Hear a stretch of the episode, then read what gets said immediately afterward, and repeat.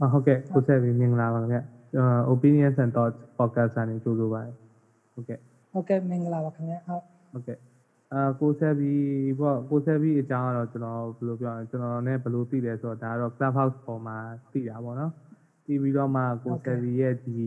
ဟိုအာ Instagram page ကိုကျွန်တော်တွားကြည့်ရင်းနဲ့ဟိုစိတ်ဝင်စားတာပေါ့နော်ဒီဟို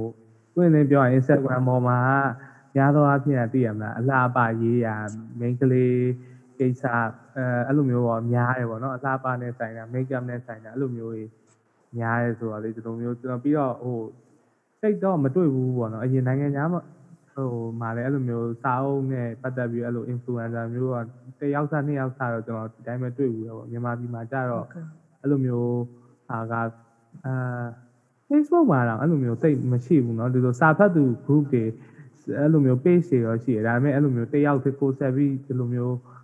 တူးတယ်ပေါ့နော်အဲ့လိုမျိုးအနေနဲ့ွားတာမျိုးရှိရှိတာရှိနေတယ်အရင်ကတော့ကျွန်တော်တွေ့ပြီးရ Facebook page တွေနေနေပေါ့နော်ဟိုမြန်မာလိုပဲရေးကြတာပေါ့တော်တော်များများတော့မြန်မာစာအုပ်တွေနဲ့တခြား English စာအုပ်ဖတ်တဲ့ဥစားဆိုလို့ရှိရင်သူတို့မြန်မာလို review လေးရေးကြဥစားရှိတယ်အဲ၃-၄ယောက်လောက်တော့ကျွန်တော်တွေ့ပြီးရဟုတ် Facebook မှာပေါ့ဟုတ်ကဲ့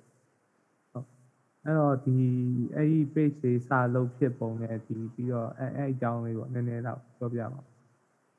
ဒီ Instagram ဟုတ်ကဲ့ဟုတ်အဲကျွန်တော်အရင်တော့ကတော့ဟိုဆက်ဆက်ပြီးဟိုစားဖြစ်ခါတာကျွန်တော်ဓာတ်ပုံရိုက်တာပေါ့ကျွန်တော်ပါတဲ့ခါကျတော့အဲဒီစာအုပ်လေးတွေနဲ့လူမျိုးကြည့်လို့လှအောင်ပေါ့နော်လူမျိုးရိုက်တဲ့ဥစ္စာလုံငယ်၄၅ကျောင်းနှစ်လောက်ပဲကျွန်တော်ရဲ့ personal account နေပြီးတော့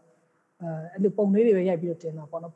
အဲ့တော့ငနေ့ကကျွန်တော်တို့ Bookstagram community ဆိုပြီးတော့ရှိတယ်ဒီ Instagram မှာအဲ့ စာအုပ်နဲ့ပတ်သက်ပြီးတော့ပဲလောက်ကြပါတော့ကျွန်တော် Bookstagram community ဆိုပြီးတော့အဲ့ဒီဥစ္စာနဲ့ပတ်သက်ပြီးကျွန်တော်စပြီးတော့အာကိုကလည်းအဲ့ဒီတော့စာအုပ်ဖတ်တယ်ဒါပေမဲ့ဟို review ရေးတာအစားကျတော့အဲ့လောက်ထိမရေးသေးဘူးပေါ့နော်ကိုဘာဖတ်တယ်နောက်ပြီးအဲ့ထက်က quotation တွေလောက်နဲ့ပဲစာအုပ်နဲ့တွဲတင်တာလောက်ပဲရှိတာပေါ့အဲနောက်ပိုင်းကျတော့လွန်ခဲ့တဲ့2နှစ်3နှစ်လောက်ခရီးစပြီးကျွန်တော်အာကိုဖတ်တဲ့ဥစ္စာတွေကိုပြန်ပြီး review ရေးတယ်ပေါ့ review ရေးရင်လည်း review တော့လည်းအခုလောက်ပတ်တော်မှအဲ့လောက်မရေးဖြစ်သေးပါဘူး အဲဥစ္စာလောက်နှစ်ပိုက်သုံးပိုက်စားလောက်ပဲရေးပြီးတော့ပဲဟိုဥစ္စာပေါ့ share တယ်ပေါ့ပြီးတော့မှနှစ်ကအာဥစ္စာဒီ covid ဖြစ်တဲ့ခါကျမှဒါဟိုအရင်တော့ personal account နေပဲကိုယ်တခြားပုံမျိုးနဲ့ရောပြီးတင်တဲ့ခါကျတော့ဟိုသူ့ရဲ့ feed ကတော့လုံးဝဟိုလိုမျိုး style မဖြစ်ဘူးမကြဘူးလို့ပြောမှာပေါ့နော် Instagram feed မှာအများသားပြန်တော်တော်များများသူ့ theme နဲ့သူထားကြတာဟိုအဲ့ခါကျတော့ကိုယ်ဥစ္စာမှာဟိုဖြစ်ဆိုတော့ကိုယ်ပိုင်ကျွန်တော်ကနေပြီးအဲ့ personal account personal account နေပြီးခွဲထုတ်ပြီးတော့ဒီစာအုပ် review ပဲတည်တတ်ရေးမယ်ဆိုပြီးတော့ ဒီမနစ်က March April လောက်မှာစပြီးကျွန်တော်ဒီ survey rates ကိုလုပ်တာပေါ့နော်ဟုတ်ကဲ့အဲ့ကနေမှတစ်ဆင့်အာဒါ data review တွေရေး review တွေရေးတဲ့ခါမှာလည်းသက်သက်ပိုင်းကျွန်တော် follow လုပ်တော့ကြတော့အာဒီလိုမျိုးအဲ့ဟိုဒီ book ဓာတ်ပုံရိုက်တာ aesthetic ဖြစ်တဲ့သူတွေတော်တော်များများကိုကျွန်တော် follow လုပ်တာများတယ် follow လုပ်တယ်ဆိုတော့တော်တော်များများတော့အဲ့ 21k တို့ဘာလို့အဲ့လိုမျိုးတွေနဲ့အများကြီး follower များတဲ့သူတွေပေါ့နော် ဒါပေမဲ့အဲနောက်ပိုင်းတစ်ဖြည်းဖြည်းချင်းကြည့်လာတဲ့ခါကျတော့သူတို့တွေကဟိုပုံနေနဲ့အဲ့လို follower တွေနဲ့ဟိုဆို book ဟိုတခြား advertisement တွေနဲ့တာရှိတာပေါ့နော် book review ဘက်မှာသူတို့ကအာတိတ်ပြီးတော့အားမထားကြဘူးပေါ့အလှအဲကြည့်လို့လှတဲ့ပုံမျိုးတွေတင်ပြီး share ကြတာပေါ့နော်ဟုတ်အဲနောက်ပိုင်းကျွန်တော်ဒီ Southeast Asian တွေကပဲဒီဟိုစားအဲ့လို book review တွေပါရေးတယ်အဲ့ပုံကအဓိကမကြတော့ သူတို့အဲ့ book review တွေတေချာရေးတေချာ discuss လုပ်တဲ့အာ3 4 5ယောက်ကနေစတွေ့သူတို့ကို follow လုပ်ရရင်ကျွန်တော်ပို့ပြီးတော့အဲ့ဘက်ကိုအာ book aesthetic ဘက်ဆိုတာတဲ့အဲ့ review ဘက်ကိုပို့ပြီးအားအားဆိုင်တဲ့အဲကိုကျွန်တော်ပို့ရောက်သွားတယ်ပေါ့နော်အဲ့မှာတစ်စက်အာတချို့တွေဆိုလို့ရှိရင်ကိုအတူတူဖတ်ဖြစ်တဲ့ battery လောက်တဲ့3 4 5ယောက်လည်းရှိလာတယ်နောက်ပြီးလို့ရှိရင်ဒီ Southeast Asian literature ဝယ် focus လုပ်တဲ့ book club တစ်ခုဆိုလို့ရှိရင်ကျွန်တော် join ဖြစ်လာတယ်ပေါ့ အဲ့လိုမျိုးကနေမှတစ်စင်တစ်ဖြည်းဖြည်းချင်းနဲ့ကျွန်တော်မသိသေးတဲ့အာ literature အမျိုးအစားတွေအာစာပေတွေမှာကျွန်တော်ပို့ပြီးလိုက်လေ့လာဖြစ်လာတယ်ပေါ့နော်အဲ့တော့ကျွန်တော်ကတော့အာဟိုစတဲ့နောက်ပိုင်းအစပိုင်းကတော့ဒါအဲ့လိုမျိုးဟိုပုံလှတာတွေမျိုး follow လုပ်ပြီးနောက်ပိုင်းတော့ဒီ review ဘက်ကိုကျွန်တော်ပို့ပြီးတော့ follow လုပ်ဖြစ်တယ်ခင်ဗျဟုတ်ဟုတ်ကဲ့ဟိုအဲ့တော့လေဒီစာဖတ်တာပေါ့စာဖတ်တဲ့ဟာကိုအဲ့လိုမျိုးအဲကျွန်တော်ဘယ်လိုပြောရမလဲဟို ဘယ်တော့ကစပြီးတော့ဒီအဲ့လိုစာအုပ်သေးချာဖတ်တာလဲပေါ့ပြီးတော့အဲ့လိုမျိုးဒီစာဖတ်တဲ့အလေးအကျင့်ဆိုတာဘယ်လိုဘယ်လိုမျိုးလဲငယ်ငယ်လေးကကိုကဝါသနာပါလို့ဟိုလောက်တာလားဒါမှမဟုတ်အဲ့လိုမျိုးပေါ့နော်အဲတယောက်ယောက်ကစာအုပ်တော့ကိုကိုပေးဖက်လိုက်တဲ့အချိန်ကျမှစာဖတ်တာကိုတအားကြိုက်သွားတာလားဘယ်လိုမျိုးလဲပေါ့နော်အာဟုတ်အဲ့လိုမျိုးလေးပေါ့ဟုတ်စာဟိုဘယ်အချိန်မှာစပြီးတော့အဲ ကျွန်တော်ထင်တာတော့ចောင်းစာမဟုတ်ပဲနဲ့ဒီလိုပြင်ပပေါ့နော်ပြင်ပစာပေါ့အဲ့လိုပြောရမှာចောင်းစာတော့ထားလိုက်ပေါ့နော်ចောင်းစာတော့မပါဘူးပေါ့ဟုတ် ဟုတ် အာစတော့အပြင်စားတော့ကျွန်တော်ငငယ်တည်းကအိမ်မှာတော့ဟိုရွှေသွေးတို့ဒီစားတော့မူတောက်ပန်းတို့ယူရပေါ့နော်သူတို့တွေကကြောက်တာဟိုကာတွန်းအနေနဲ့ဟိုစအနေနဲ့ comic အနေနဲ့ကျွန်တော်ဖတ်တာပေါ့ဒါပေမဲ့နောက်တခြားအပြင်စားအနေနဲ့ဖတ်ဖြစ်တာကြတာအဲ့ဟိုငငယ်တော့ကပဲအဲ့လိုပဲဟိုရှရနာမွန်တို့ပါတော့ဒီအဲ့တော့ဟိုဗုဒ္ဓဘာသာမဂ္ဂဇင်းပေါ့နော်အဲ့လိုမျိုး ကျွန်တော်ဘယ်ကနေစတိုက်လဲဆိုဆရာချေဦးညိုရဲ့အဲ့ဒီဟိုဇာဒီဗုဒ္ဓဟိုဖျားနဲ့ပတ်သက်တဲ့ဇက်တွေကိုသူကနေဝတ္ထုဟိုလေးရေးတာဟိပါအဲ့ကနေကျွန်တော်စပြီးဟိုဖတ်ဖြစ်တာပေါ့နော်အဲအဲ့လိုမျိုးဆိုတော့ဘယ်လိုကောမလဲငငယ်ကတော့အဲ့လိုမျိုးဖျားဆက်တော်လာဥစားစိတ်ဝင်စားတဖြည်းဖြည်းချင်းနဲ့အဲ့ဟိုအာတကုံရွှေများတို့ရွှေတောင်းလို့လို့ဒီအသက်နည်းနည်းရလာခါကျဒီလိုမျိုးအဲ့ဟို detective ပါ adventurous ဖြစ်တဲ့ဒါမှမဟုတ်ရှင်အဲ့နောက်ပါလဲသူတို့ဟိုအာသူအဲ့ဒါဘယ်လိုခေါ်လဲဟို ဂမ်ဘီယာခေါ်လာအဲ့ရရအဲ့လိုမျိုးစာအဲ့လိုစာတွေပေါ့နော်အဲ့ဒီဘက်တွေပိုင်းပါတယ်ဟိုစာတွေအဲအဲရရအဲ့လိုဟာမျိုးလေးတွေကျွန်တော်ကပို့ပြီးတော့တဖြည်းနဲ့ဖတ်တာနောက်ပိုင်းအဲ့ဒါဆိုတော့အရင်ကြီးတော့လည်းဟိုစိတ်ထဲမှာလည်းဘာမှမကြံဘူးပေါ့နော်အဲ့ဒီတော့အဲ့လိုမျိုးနဲ့နောက်ပိုင်းကျတဖြည်းနဲ့အာကျွန်တော်10တန်းဟုတ်တယ်10တန်းပြီးတဲ့ဥစ္စာမှာကျွန်တော်ပထမဥစ္စာဖတ်ဖြစ်တာတက္ကသိုလ်ဖုန်းနိုင်ရဲ့အာစိတ်နေဦးမယ်ကျွန်တော်မြည်ရဲ့နောက်အာနုနုရီအင်ဝါရဲ့ညစိမ့်ပြကမာရွ ရဲ့တန်းစာမွေးဖြည့်ပြီးချင်းအဲ့ဒီတလားနှစ်လအတွင်းမှာဖတ်ဖြစ်တာပေါ့နော်အဲ့နှစ်အုပ်ကိုဖတ်ပြီးရဲ့အခါဝတ္ထုအကြီးဆိုပြီးတော့အဲ့လိုစာအုပ်နဲ့တိတိကျဖတ်ဖြစ်တာအဲ့နှစ်အုပ်ပေါ့နော်အဲ့ရနေမှစပြီးတော့တိတိကျကျပြတ်သက်စာပြီးလေဟလားအရင်ဟိုစူးစူးနစ်နစ်ဝင်သွားတယ်ပဲပြောမလားပေါ့နော်ဟုတ်ကဲ့အဲ့ရနေမှကျွန်တော်ဝတ္ထုဖတ်ရတာတော်တော်ကြိုက်လာတာပေါ့ဟုတ်ဟုတ်ကဲ့နောက်ပိုင်းတော့ပြေးပြေးနဲ့ငယ်လူအဲ့တော့အဲ့အရွယ်နဲ့ဆိုတော့ဟိုတာမင်းဝေတို့မင်းခိုက်ဆူဆန်တော့အဲ့ခစ်တီ ရောက်သွားတော့အဲ့ရမင်းဝေရတယ်ကျွန်တော်အရင်ကြိုက်တယ်ငယ်တော့ကတော့ဟုတ်ကဲ့ခင်ဗျာရတော့ favorite ပဲပေါ့အဲ့လိုမျိုးသူ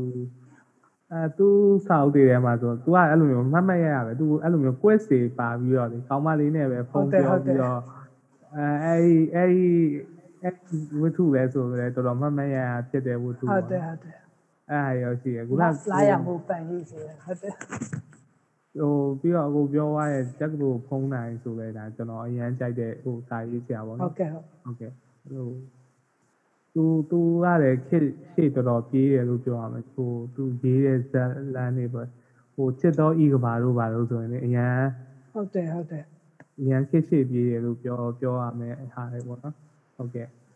တော့ဟိုအဲ့အနေစဖတ်ပြပြီးတော့ပြီးတော့ကြတော့ဘယ်လိုမျိုးဆက်ပြောပြအောင်ဟို ဂျန်နီပေါ့အခုဟာဘယ်အပိုင်းတွေကိုစိတ်ဝင်စားပြီးတော့ဘယ်လိုမျိုးပြီးတော့နောက်ပြောရင်တော့နောက်ဆုံးကိုကိုယ်တိုင်စာအုပ်ရေးဖို့ထိစဉ်းစားထားတဲ့ထားသလားအဲ့လိုမျိုးတွေပေါ့ဟုတ်ကဲ့ဟုတ်အဲတပြေးချင်းနဲ့ပတ်တာပေါ့နော်အဲတက္ကသိုလ်ဖုန်းနိုင်တို့အဲတက္ကသိုလ်ဖုန်းနိုင်ဒီဥစ္စာတို့တက္ကသိုလ်ဖုန်းနိုင်တို့ကတော့အဲ့တုန်းကသာဖတ်ပြီးတော့နောက်ပိုင်းကျွန်တော်သိမဖတ်ဖြစ်တော့ဘူးပေါ့နော်ပြီးတော့အဲ့တာမျိုးတွေမိခိုက်ဆူဆန်တို့ခစ်ဆိုအဲ့ဒီဥစ္စာနဲ့နောက်ပြီးတော့ဗာလဲနီကိုရဲတို့မင်းလူတို့အဲ့ဒီအားဖတ်တဲ့အရွယ်ဖြစ်သွားတယ်လို့ပြောအောင်ပေါ့နော် ဟုတ်ကဲ့အဲပြီးရပြီးတော့နောက်ပိုင်းကျွန်တော်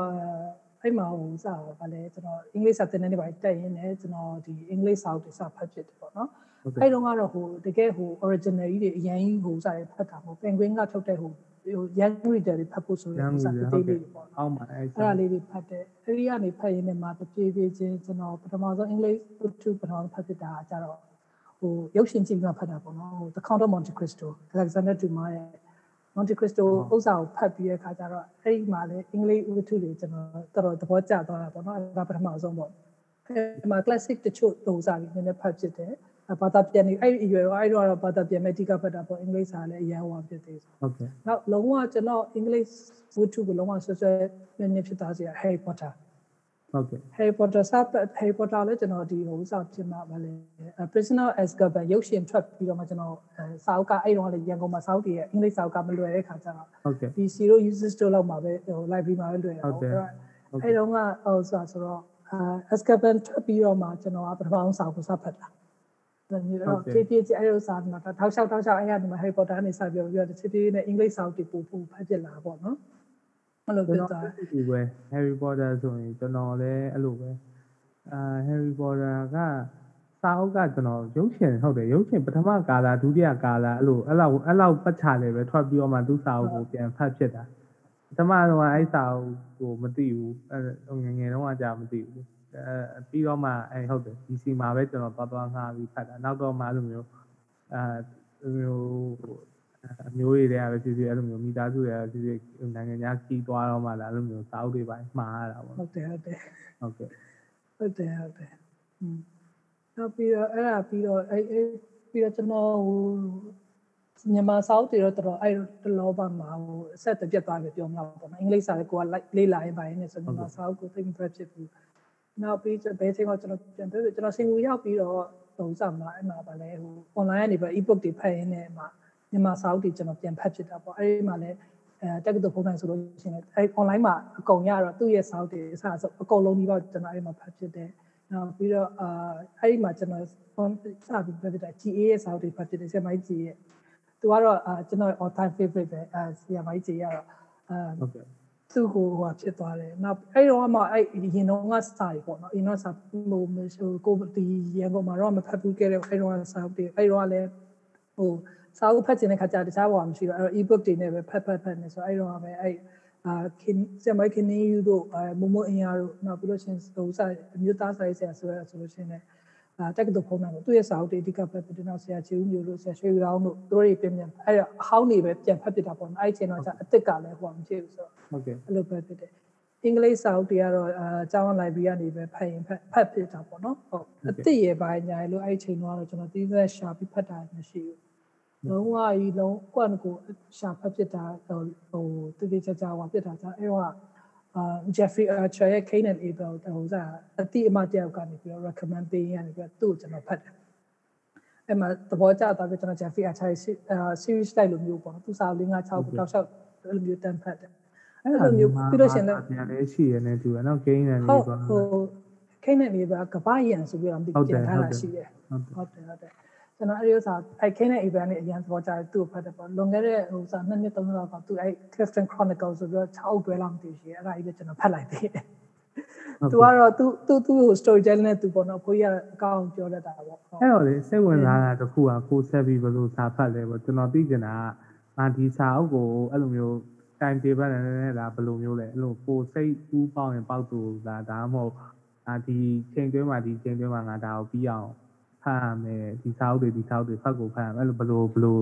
ဘယ်လိုလဲပေါ့ဟုတ်ဟုတ်အဲအရင်တော့တော့ပါတဲ့အချိန်မှာဖတ်လိုက်တာပေါ့နော်အဲဟိုကိုစိတ်ပါတဲ့အချိန်ဖတ်တယ်တစ်ခါတောက်ရှင်လည်းတချို့ဆောင်းလို့ဆိုရှင်လည်းဟိုကိုစိတ်နဲ့မကိုက်လို့ရှင်လုံးဝအကြီးမကိုက်လို့ဆိုလို့ရှင် chapter တစ်ခုလောက်ပဲဖတ်ပြီးတော့ပြစ်ချထားလိုက်တဲ့စာအုပ်တွေရှိရပေါ့နောက်ပိုင်းကျတော့အာဟိုလူမျိုးကြီးကိုကိုအရင် force လုပ်တာရတော့မဟုတ်ဘူးအဲဟိုစဒီရတတ်စာပြီးဘာလို့ဆိုတော့ တခြားရတတ်စာပြီးမဟုတ်တဲ့တခြားစာတွေကျတော့ကျွန်တော်တို့ဟိုစအလုတ်ကဆိုလို့ရှိရင်ဟိုသတင်းသတင်းတွေပါဖတ်ကြအလုပ်နဲ့ဆိုလို့ရှိရင်အလုပ်နဲ့ပတ်သက်တဲ့ article ဆိုဖတ်ရတယ်ဆိုတော့ကျွန်တော်ကအဲရတတ်စာပြီးတည်တဲ့အချိန်ပေးပြီးဖတ်မယ်ဆိုပြီးဒီနေ့ကိုအနည်းဆုံးတစ်နာရီနှစ်နာရီဒါမှမဟုတ်လို့ရှိရင်လည်းအမ်မအိတ်ခင်ပေါ့နော်မအိတ်ခင်ကိုကျွန်တော်တို့က social media တော့မတုံးနေစာအုပ်ဖတ်တာဟိုပဲအဓိကလုပ်တယ်ပေါ့အလုံးစုံတော့တစ်နေ့ကိုအနည်းဆုံး2နာရီတစ်နာရီကနေ2နာရီလောက်ဖတ်ပြအောင်လို့နောက်ပိုင်းကျွန်တော်အကျင့်လုပ်ယူပြီးတော့ဖတ်တယ် အဲဒီကနေမှတစ်စင်းတဖြည်းဖြည်းချင်းပို့ပြီးတော့ဟိုစာဖတ်တဲ့အကျင့်ကပို့ပို့ပြီးတော့တိုးလာပေါ့နော်ခါကြလို့ရှိရင်လည်းတစ်နိုင်နှစ်နိုင်မဟုတ်ဘူးကိုယ့်ကိုဟိုစာအုပ်ကောင်းရင်ကောင်းတယ်လို့တစ်ခါကြရင်တနေ့ကုန်လည်းစာအုပ်ဖတ်ပြနေဖတ်ပြသွားတာပေါ့ဟုတ်ဟုတ်အဲအဲ့တော့ဟိုဟုတ်ကဲ့အဲ့တော့ဟိုဟာပေါ့လေဂျားထဲမှာကျွန်တော်မေးချင်တာဟိုကိုဆက်ဘီကဒီရသစာပေပဲအဖက်များတာပေါ့တခြားအဲ့လိုမျိုးဟိုဆိုဟာ non fiction လို့ပြော ဟုတ် non fiction တွေပြောရမယ်အဲ့လိုမျိုးဟာရောဟိုဖတ်လားမသိဟုတ်ရသစာပေကကျွန်တော်80%လောက်ကိုဖတ်တယ်အဲ non fiction ဆိုတာကြတော့ကျွန်တော်ကအဲဟိုလိုမျိုးစာအုပ်အနေနဲ့ဖတ်တာဆိုလို့ရှိရင်တော့တော်တော်နည်းတယ်အဲတစ်နှစ်လုံးမှာမှစိုက်အုပ်လောက်ပဲရှိနေတယ် non fiction ဖတ်တယ်ဆိုလို့ရှိရင်ပေါ့နော်ဒါပေမဲ့အာဘယ်လိုခေါ်မလဲကျွန်တော်ကဟို non fiction ဆိုလို့ရှိရင်အဲ့လိုမျိုးတစ်ခုခုတခြားနဲ့ပတ်သက်ပြီးတာဟိုကျွန်တော်ဘယ်လိုခေါ်မလဲဟို self help စာအုပ်လိုဟာမျိုးဆိုကျွန်တော်ကမဖတ်ချင်မဖတ်ချင်ဆိုတာဘာလဲဆိုတော့သူဥစ္စာဘယ်လိုခေါ်မလဲကျွန်တော် articles တွေနေတော့နဲ့ဆိုလို့ရှိရင်တူတူလေးဆိုကျွန်တော်ဖတ်တယ် စာအုပ်လိုက်ကြီးအရှိကြီးဆိုလို့ရှိရင်ကျွန်တော်မဖတ်ချင်တော့ဟိုဟာမျိုးဘယ်လိုခေါ်ဟုတ်ဆိုစာအုပ်မျိုးကြတော့ဘယ်လိုပြောရလဲအဲအာ sapien sapiens ကကြတော့ဖတ်တာပေါ့အဲသူကကြတော့ဟိုဟို self help လည်းမဟုတ်ဘူးသူကကြတော့ဒီတခြားဥစ္စာနဲ့ကျွန်တော်အတိအကျဖြစ်လုံးဝမဒီပါမဖတ်ပြတာ self help တွေမဖတ်တာများတာပေါ့နော်ဟုတ်ကဲ့ဟုတ်တကဲ့ခြားဥစ္စာဟိုနိုင်ငံရေးနဲ့ပတ်သက်တဲ့ဒီလိုမျိုးအဲလူအဲဟို sapiens လိုမျိုးအကြောင်းရေးထားတယ်တခါကျရင်လည်းဒီဟို psychology နဲ့ပတ်သက်တဲ့ဟာနောက်ပြီးလို့ရှိရင် psychotherapy နဲ့ပတ်သက်တဲ့ဟာပေါ့ အဲကျွန်တော်အဲ non fiction တွေကကျွန်တော်အကြိုက်ဆုံးဆိုရှင်ဒီ Susan Cain ရဲ့ quiet ဆိုရသူကကြတော့ introvert တွေအကြောင်းကိုအဓိကရေးထားတဲ့ဥစ္စာပေါ့နော် introvert တွေရဲ့ဟို coping system နဲ့ပတ်သက်ပြီးတော့သူတို့တွေဒီ extrovert တွေတလောက်များတဲ့ဥစ္စာမှာဘယ်လိုဟိုဖြစ်တယ်ဆိုအဲ့စာကကျွန်တော်လည်းနှစ်နှစ်လောက်ကဖတ်တာပေါ့နော်အဲ့ဒီအချိန်တုန်းကကျွန်တော်ကအာဟွာကိုဒီ non fictions တွေကိုတစ်နှစ်လုံးမှာအလုံးစုံ3အုပ်လောက်4အုပ်လောက်ပဲဖတ်တာ အဲ့လိုမျိုးဥစ္စာဖတ်ပြီးတော့မှနောက်ပိုင်းအဲ့လိုမျိုးစာအုပ်တွေကျွန်တော်ရှာဖတ်တယ်ပေါ့နောက်ပြီးလို့ရှိရင်လည်းဒီလို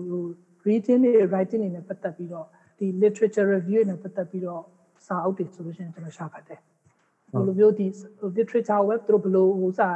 လောက်ကြတယ်ဘယ်လိုဖတ်ကြတယ်ဘယ်လို review လုပ်ကြတယ်အဲ့လိုမျိုးရေးထားတဲ့စာအုပ်တွေဆိုလို့ရှိရင်လည်းကျွန်တော်ရှာဖတ်တယ်ပေါ့ဟုတ်ကဲ့ဟုတ်ဟုတ်အဲ့တော့ဟိုဒီခုနကတော့ပြောသွားတာဟိုအဲမှာလေအဲ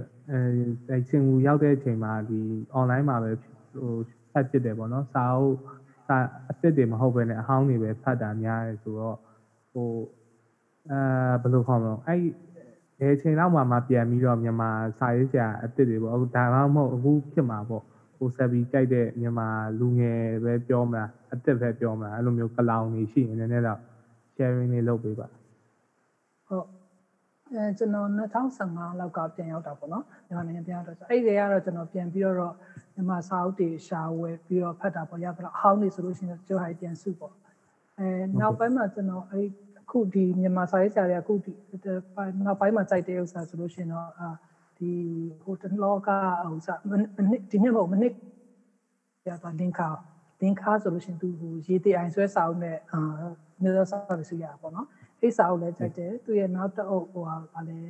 တိုင်းရည်ကြည်နုဆိုတဲ့စာအုပ်လည်းကြိုက်တယ်သူကကျတော့ဒီအခြေခံလူရန်စားတွေရဲ့ဘဝကိုတည်တည်ချာချာရေးထားတာပေါ့နော်သူစာအုပ်ဆိုကျွန်တော်သူစာအုပ်က3လေးအုပ်ရှိတယ်နောက် short story ရှိလည်းရှိတယ်သူစာအုပ်ဆိုကျွန်တော်သူလင်းခါရယ်နောက်တစ်ယောက်ကရေအေးဆိုရေအဲ short story ရေးတာများတယ်ဟုတ်ကဲ့ရေအေးဆိုတဲ့တရားပေါ့နော်အဲသူဆိုလို့ရှိရင်လည်းသူကကျတော့ဒီ psychiatrist တွေနဲ့အကြောင်းတွေပါတယ်သူရေးတယ်အဲ့ခါကျတော့အဲ့စာအုပ်အဲ့သူမင်းရကိုကြိုက်တယ်ပေါ့ အမျိုးသမီးတွေကဆိုရင်တော့အာဆရာမအာဇဗယ်ဖြူနုရေးတဲ့ဥစ္စာတွေကျွန်တော်သဘောကျတယ်အဲသူကတော့ဟိုပါပေါ့နော်အာဘာလဲအဲဟိုသူလည်းအမျိုးသားစာပေစုရတာတဲ့အာစာအုပ်နဲ့ပဲမြောက်ပြလွမ်းရဆိုတာကချင်အဲစစ်ပေးတွေနဲ့ပတ်သက်ပြီးတော့ဟုတ်ကဲ့စစ်ပေးဆောင်ဥစ္စာတွေနဲ့ပတ်သက်ပြီးရေးထားတဲ့ဥစ္စာပေါ့နော်အဲ2015လောက်ကနေတွေ့ဟုတ်သူတို့တွေဖတ်တယ်အဲ ကျောင်းအဲ့ဟုတ်တယ်အဲ့ဒါကြီးနေမှာနောက်ပြီးတော့ဟိုကျွန်တော်တခြားဖတ်တယ်ဟိုဆ iam ခင်ခင်တူဆောင်တဲ့သဘောကျတယ်သူဥစ္စာတွေဆိုလို့ရှိရင်ဒီကျေးလက်ပိုင်းတွေပါပြီးပါတယ်ပေါ့နော်ဟုတ်ကဲ့ကျွန်တော်ဟိုများသောအားဖြင့်ကိုယ်နဲ့ဟိုဥစ္စာထိတွေ့လေမရှိတဲ့ဥစ္စာတွေကိုရေးထားကြတဲ့အဲစာအုပ်တွေကျွန်တော်ကိုသဘောကျတယ်ခင်ဗျဟုတ်ကဲ့ဟိုဆယ်ဘီကအဲ့လိုမျိုးပေါ့ဟိုဟိုလိုမျိုးအာဟာတာဟာတာလို့ပြောရမှာ literature မှာကြာ comedy တဲ့ကျွန်တော်ထင်တာတော့သူ့ဟာနဲ့သူတန်ဖိုးရှိရလို့ထင်တယ်ပေါ့နော်ရှိပါတယ်ဟုတ်ဟုတ် အဲ့တော့အဲ comedy ရောဖတ်အဲ့လိုမျိုးတွေဖတ်လားမသိဘူးဥပမာထားပါရင်တော့ဆိုရင်ခုနပြောသလိုဟိုဟာပေါ့အာမင်းလူတို့ဘာလို့ဆိုလဲပြောရရင်နည်းနည်းတချို့ဟာရ comedy ပါတယ်ပေါ့နော်ဟုတ်ကဲ့ဟုတ်ဆရာမင်းလူတို့ပြီးတော့နောက်ဒီကိုရဲဆိုလဲဟွာဖြစ်တယ်ပေါ့ဟုတ်ကဲ့ဟိုရောတယ်ပေါ့နော်အဲ့လိုအဲ့တော့ဒီ ကျွန်တော်ကကြာတော့အဲ့ဒီ comedy ကိုရန်ဟိုဖြစ်တယ်ဖြစ်ဖြစ်စေခြင်းတဲ့လူမျိုးပေါ့နော်ကျွန်တော်က stand up ဆိုလဲကျွန်တော်ကမြန်မာပြည်မှာအဲ့လိုမျိုး stand up comedy တွေပါအဲ့လိုမျိုးချိစေခြင်းစာဆိုလဲအဲ့လိုဟာတာစာပြီးပေါ့ကောင်းကောင်းပေါ့ satire ဆိုလဲကျွန်တော်နောက်ပိုင်းဆိုရင်အဲ့လိုမျိုးပေါ့မေးရတော့ဟိုဟာပါဟိုပြည်သက်ချကိုကိုမောင်ဟိုဟုတ်ကဲ့ဟုတ်ဟုတ်သူသူ့ရဲ့အဲ့လိုမျိုးတော့တယောစာတွေဆိုရင်ဟိုရန်ကောင်းတယ်ပေါ့နော်ဟုတ်အဲ့လိုပေါ့ဟုတ်အဲ့တော့လေပြီးအဲအဲ့ဒီပုံမှာရောမြန်မာမြန်မာရဲ့ ပြီးတော့ပြောချင်တာတချို့ကျွန်တော်တို့မြန်မာဂျုတ်ဆရာဗျာမြန်မာရုပ်ရှင်ထဲမှာဆိုရင်ကြတော့အဲကျွန်တော်တို့ခံစားရ cringy ဖြစ်တယ်ပေါ့နော်အခုခေတ်စကားနဲ့ပြောရင်ဒါပေမဲ့တကယ် literature မှာကြတော့ဟိုကောင်းတဲ့ comedy တွေရှိရပေါ့နော်အဲအဲဟုတ်ကဲ့အဲအဲ့ဒါလေးကိုနည်းနည်းလေးဟိုပြောဟိုပြောပြတာပါကိုဆက်ပြီးတော့အဲ့ပုံမှာဘယ်လိုမြင်လဲမသိဘူးဟုတ်အဲဒီကျွန်တော်ဖတ်ဖြစ်တဲ့ဥစ္စာပေါ့နော်အရင်တော့ကတော့ဟိုဟိုအရင်တော့စာစာဆိုလို့ရှိရင်တော့ဆရာတော်တာဆွေရဲ့စာရေးဆိုလို့ရှိရင်လည်းအလီဒီဟာပတ် ပါတယ်လို့ပြောလို့ရပါပေါ့နော်သူရဲ့ဥစ္စာရေးဆိုလို့ရှိရင်အဓိကဥစ္စာဆိုနောက်ပိုင်းတော့အဲဥစ္စာနီကိုရဲတို့မင်းလူတို့တွေမှာနည်းနည်းများပါတယ်အကြည့်ရရင်အကြိုက်ကြီးမဟုတ်ဘူးသူအဲ့လိုပေါ့နော်ဒီလိုဟာတိုင်းအဓိကကျွန်တော်ကျွန်တော်ဟိုဖတ်ကြိုက်တာနဲ့ကျွန်တော်ဖတ်လေးကြည့်တဲ့ဟိုစာအမျိုးစားပေါ်မူတည်သားဖြစ်နေတယ်ဟိုလိုမျိုးသူကလည်းသူကတော့ကောင်းကြတယ်အဲဟိုစားဒီကျွန်တော်ဖတ်ဖြစ်အဲ့ဒီကျွန်တော်နီကိုရဲတို့ဟိုဟာတို့လောက်ထိကျွန်တော်ဖတ်ဖြစ်ပြီးနောက်ပိုင်းလုံးမဖတ်ဖြစ်တာပါလဲဆိုတော့ ကျွန်တော်ရဲ့စိုက်တဲ့ taste ကတပိပိချင်းပြောင်းသွားတယ်ပဲပြောမလားပေါ့နော်အဲ့လိုမျိုးကြောင်းနေဆိုင်နေဘာလို့ဆိုတော့အာကျွန်တော်ကအဲဟိုအရန်ဟို melancholic ဖြစ်တဲ့စာမျိုးတချင်းမျိုးရုပ်ရှင်မျိုးဆိုရင်သဘောကျတယ်။နော်အဲ့လို type ဆိုတဲ့ခါကျတော့အဲ့ဒီလိုစာတွေပဲရွေးဖတ်တယ်လို့ခေါ်တာပေါ့နော်။အေးပေါ့အဲ့လိုပဲပြောပါဘာလို့ဆိုတော့ဟိုကျွန်တော်အဲ့ Kafka ရဲ့ကျွန်တော်ဥစားမှာကျွန်တော်လည်းတကယ်ချင်းအဲ့ Instagram တကယ်ချင်းနေလည်းပြောလို့ရှိရင်ပြောလို့ရှိပါ Kafka ရဲ့ code တစ်ခု quotation တစ်ခုရှိရပေါ့နော် သူပြောထားတာပါတယ် um um a book must be the x to the frozen sea inside us ပေါ့နော်အဲ့တော့အာစာအုပ်တုပ်ကိုဖတ်ပြီးမှတော့ကိုဘာမှအဲ့လိုမျိုးဟိုကိုကိုလုံးဝအဲ့လို torture လုပ်တာ step လုပ်တာအာကိုကိုလုံးဝ destroy လုပ်သွားတာမဟုတ်လို့ရှင်ဘာလို့ဖတ်နေမှာလဲပေါ့သူကတော့ဟိုလုံးဝဟိုစာ exaggerate လုပ်ပြီးတော့ပြောတာပေါ့နော်ဟုတ်ကဲ့ဟုတ်ကဲ့ဟိုဟာပေါ့ Kafka ကြတော့လေကျွန်တော်ပြောအခုထားပါတော့ကျွန်တော်တို့မြန်မာပြည်ကနားထောင်နေတဲ့လူတွေဆိုရင် Kafka ဆိုရင် အသိရလူပဲရှိမှာเนาะမသိရလူပဲရှိမှာအဲ့တော့မသိရလူတွေရှိမယ်ဆိုရင်နည်းနည်းတော့ Kafka ကြောင်းနေနည်းနည်းတော့သူကပြီးနည်းနည်းတော့ရှင်းပြပေးပါလား ဟုတ် Kafka တော့သူနာမည်ကြီးရပေါ့ Franz Kafka ပေါ့ Franz Kafka ကသူနာမည်ကြီးရတော့ Metamorphosis ဆိုတဲ့အာဝတ္ထုနဲ့နာမည်ကြီးရပေါ့နော်သူကနေပဲတခါအာဟိုဥစားပါလေပိုဟက်ဖြစ်သွားတဲ့ဟိုဆိုတဲ့ဥစားပေါ့လူကနေပဲပိုဟက်ဖြစ်သွားသူနိုးလာချင်ပိုဟက်ဖြစ်သွားတယ်ဆိုတဲ့ဥစားအဲ့ဒါနဲ့နာမည်ကြီးဒါပေမဲ့ကျွန်တော်အာသူဥစားပါလေအဲ ကျွန်တော်တခြားအနေနဲ့သူသူစာအုပ်အနေနဲ့ပေါ့နော်ဟိုကြိုက်တာ the trial ဆိုတဲ့စာအုပ်ကိုကြိုက်တယ်ဟုတ် Kafka ကအဲ့လိုမျိုးဟိုစာပေါ့ဟုတ် the trial ဟုတ်သူစာအဲ့ဒီစာကြိုက်တယ် Kafka ကအဲ့လိုမျိုးဘယ်လိုကောင်းလဲသူ့ရဲ့စာတွေကလည်းသူတော်တော်များများအဲ့လိုမျိုးဟိုသူသူအဲ့လိုမျိုးစာထဲမှာရေးသူအဲ့လိုပြောခဲ့တဲ့အတိုင်းပေါ့နော်လုံးဝလူကိုနည်းနည်းဟိုဖြစ်ပြီးတော့မှဖြစ်စေတဲ့စာမျိုးဆိုတော့သူအဲ့ဒီအဲ့ဒီ quotation လေးကျွန်တော်တစ်ခါကျွန်တော်အဲ့တော့ပဲ Tumblr မှာတွေ့လား Facebook ပေါ်တွေ့လားအောင်မှတ်ပြီးတော့အဲ့ ခုတ်တစ်ပိုင်းစာလေးတွေ့ပြီးတော့သဘောကျသွားတာပေါ့ကိုကလည်းအဲ့လိုမျိုးဟာတွေပဲရှာဖတ်နေတာမသိဒီလိုမျိုးဥစ္စာကိုသူရဲ့ description ကျွန်တော်သဘောကျတာပေါ့ဟုတ်ဟုတ်ကဲ့အဲ့တော့ဟိုဆွေဆွေတဲ့တဲ့တက်ကိုကြိုက်တယ်အဲ့လိုမျိုးကိုကိုကိုဘယ်လိုချက်လောက်ရတာသဘောသဘောကျတယ်သဘောကျတယ်ပေါ့အဲ့လိုမျိုးပေါ့အေးပေါ့အဲ့လိုပဲပြောမှာပေါ့အဲ့ဒါကြောင့်လည်းကျွန်တော်မူရာခမီကိုတော်တော်ကြိုက်မိရတယ်ပါလေမူရာခမီကလည်းတော်တော်အာ ဘိုင်းမှာတော်တော်များများကသူ့ကိုမြန်မာဟိုဆိုလို့ရှိရင်သူ့စာတော်များဘာသာတင်ကြရလေဟုတ်တယ်ဟုတ်တယ်ကျွန်တော်ဟိုစာသူ့စာအုပ်တွေဖတ်ပြီးတဲ့ကသူ့က very uh, one of my favorite ပဲပေါ့နော်သူလည်းဟုတ်ဟုတ်ကဲ့ဟုတ်ကဲ့ဟိုဟာပေါ့ကျွန်တော်ဟိုဟာဖြစ်ချင်တာဟိုကိုဆက်ပြီးတောက်လျှောက်ဒီအထက်တန်းကျောင်းကတောက်လျှောက်စာရေးဖတ်လာရတော့လေမြန်မာမြန်မာစာရဲ့ဘယ်လိုခေါ်မလဲတူပြောင်းလဲသွားတဲ့ဟာကိုဘယ်လိုဘယ်လို တတိထားမိလဲကျွန်တော်ဘယ်လိုဘယ်လိုပြောအရင်တော့စာရေးကျစာရေးတဲ့ပုံစံအရင်ခေတ်ကစာရေးတဲ့ပုံစံနဲ့ဒီဘက်ခေတ်စာရေးတဲ့ပုံစံနဲ့ဘယ်လိုတွေပွဲဝါးရလို့ဟိုဆက်ပြီးစိတ်ထဲမှာမြင်တယ်ပေါ့ဟုတ်အဲ့ဒါလေးနည်းနည်းပြီးအဲကျွန်တော်ဖတ်ဖြစ်တဲ့လောက်ဆိုလို့ရှိရင်ပေါ့နော်။အိုးအရင်တော့ဆိုလို့ရှိရင်အဲဝတ္ထုဒီဝတ္ထုခန့်လို့သူတို့ခေါ်မယ်။လုံးဝအထူးကြီးတွေနဲ့လုံးဝဟို narrative ကောင်းကောင်းနဲ့ဇာတ်အိမ်ကောင်းကောင်းနဲ့ character တွေလည်းဟိုဖြစ်တဲ့စာတွေများတယ်ပေါ့။အရင်တော့ကတော့အဲဟိုစာဖြစ်ဖြစ် နောက်ပိုင်းကျတော့အာကျွန်တော်တို့အဲ့လိုနောက်ပိုင်းဆိုဒီ2000ကျော်ဝန်းကျင်နောက်ပိုင်းမှာကျ2010ဝန်းကျင်နောက်ပိုင်းကျကျွန်တော်ပဲမရှာဖတ်တယ်လို့လားမသိဘူးအဲ့လိုမျိုးစောက်ထူးရည်နဲ့ဇက်အိမ်ကောင်းကောင်းရည်နဲ့ကြည့်မရှိတော့ဘူးဝတ္ထုစာအုပ်ဆိုလို့ရှိရင်ဟိုစာမျက်နှာအလုံးစုံ100ကျော်လောက်ကလေးနဲ့ဝတ္ထုစာအုပ်ကလေးတွေပဲထွက်လာကြ။ဟိုရင်နောက်ပိုင်းကိုစာအုပ်ရကင်းတွေနောက်ဆုံးဟိုတော်မင်းသမီးတို့မိုင်ကန်တို့အဲ့လိုတွေလောက်ပဲဟိုဇက်အိမ်ကြီးကြီးနဲ့ဟိုဟာဖြစ်လာတယ်တွေ့တော့ပေါ့နော်။ဟုတ်ကဲ့ နောက်ပိုင်းမှာဇက်အိမ်ကိုဟို character ကိုဟိုကျွန်တော်ဟို character တော့တချို့ဥစေဆိုရင်စာအုပ်ပေးပေမဲ့ကောင်းတဲ့ဥစားလေးရှိတယ်ပေါ့ကျွန်တော်ကအဲ့လိုဇက်အိမ်ကောင်းကောင်းနဲ့ကြီးကြီးဟိုမတွေ့တော့ဘူးလို့ကျွန်တော်ပဲရှာမှာဖတ်ဖြစ်တာလားမပြောတတ်ဘူးပေါ့နော်မတွေ့ကိုကျွန်တော်ဖတ်မိတလောက်တော့မရှိကြတော့ဘူးပေါ့နော်ဟုတ်ကဲ့ဘာလို့ဆိုကျွန်တော်ဟိုတခြားစာအုပ်တွေဖတ်ပြီဆိုလို့ရှိရင်အဲ့လိုမျိုးအင်္ဂလိပ်စာအုပ်တွေဆိုလို့ရှိရင်တချို့စာအုပ်တွေဆိုအထူးကြီးတွေပဲဆမနာ300ကျော်400ကျော်ဒါကြောင့်ရှင်အဲ့ historical fictions တွေရေးပြီဆိုလို့ရှိရင်အဲ့လိုမျိုးအများကြီးနဲ့ ဒီ multi generation ဒီဆွေမျိုး3 4ဆက်တွေရေးကြတယ်ပေါ့ကိုရီစီမှာအဲ့လောက်ထိကျွန်တော်မတွေ့တော့ဘူးပေါ့နော်ဒီလိုမျိုးဥစားမှာဒါပေမဲ့ဟိုလိုမျိုးအဲ့ short story တွေမှာလည်းသူ့အတူနဲ့ဟိုထိထိမိမိရေးတာလေးတော့ရှိတယ်ဒါပေမဲ့ကျွန်တော်ကတော့အဲ့လိုမျိုးကိုစာဖတ်ရတာကြိုက်တဲ့သူဆိုအဲ့လိုထူထူတဲတဲနဲ့အဲသုံးစာကြီးတွေစက်ရင်ကောင်းကောင်းကြီးတခါတည်းကြာနေမြန်မာစာအုပ်ကိုအဲ့လိုမျိုးဖတ်ကြည့်ချင်ပြန်ဖတ်ချင်တာပေါ့နော်ဟုတ်ကဲ့ဟုတ်ကဲ့အဲ့တော့ဟို နော်ဟိုဘယ်လိုပြောရမလဲအဲ့ဒီလိုမျိုးပြောင်းသွားတာကျွန်တော်ထင်တယ်ဟိုဟာပေါ့ကျွန်တော်အမြင်ကြတော့လေဈေးကွက်အကြောင်းလည်းပါမှာပေါ့နော်ဈေးကွက်အကြောင်းဟုတ်လည်းကဲ့ပါဖြစ်မှာနိုင်ပါတယ်ဟုတ်ကဲ့ကျွန်တော်ဘယ်လိုပြောရမလဲဟိုပွင့်နေပြောရရင်အားမရဘူးပေါ့နော်ဟိုမြန်မာနိုင်ငံတန်း90ထားပါတန်း90ရှိတဲ့နိုင်ငံမှာဟိုဘတ်ဆက်လာဆိုတာတောင်းကနန်းတော့ရောင်းရတယ်ဆိုတာဟုတ်ရတောင်းကနန်းတော့ရောင်းရတဲ့ဟာဘတ်ဆက်လာဖြစ်တာကြတော့ တိတ်တော့မဟုတ်ဘူးပေါ့နော်ကျွန်တော်အမြင်ကြပြန်ပေါ်ပြန်ပေါ်အဲ့လိုပဲပြန်ပါဟိုဟိုဟုတ်တယ်ကျွန်တော်ထင်တာကြတော့ဟိုဒါပေမဲ့ကျွန်တော်ထင်တယ်နောက်ပိုင်းတော့လေဟိုဒီလိုမျိုးပေါ့လေအာကို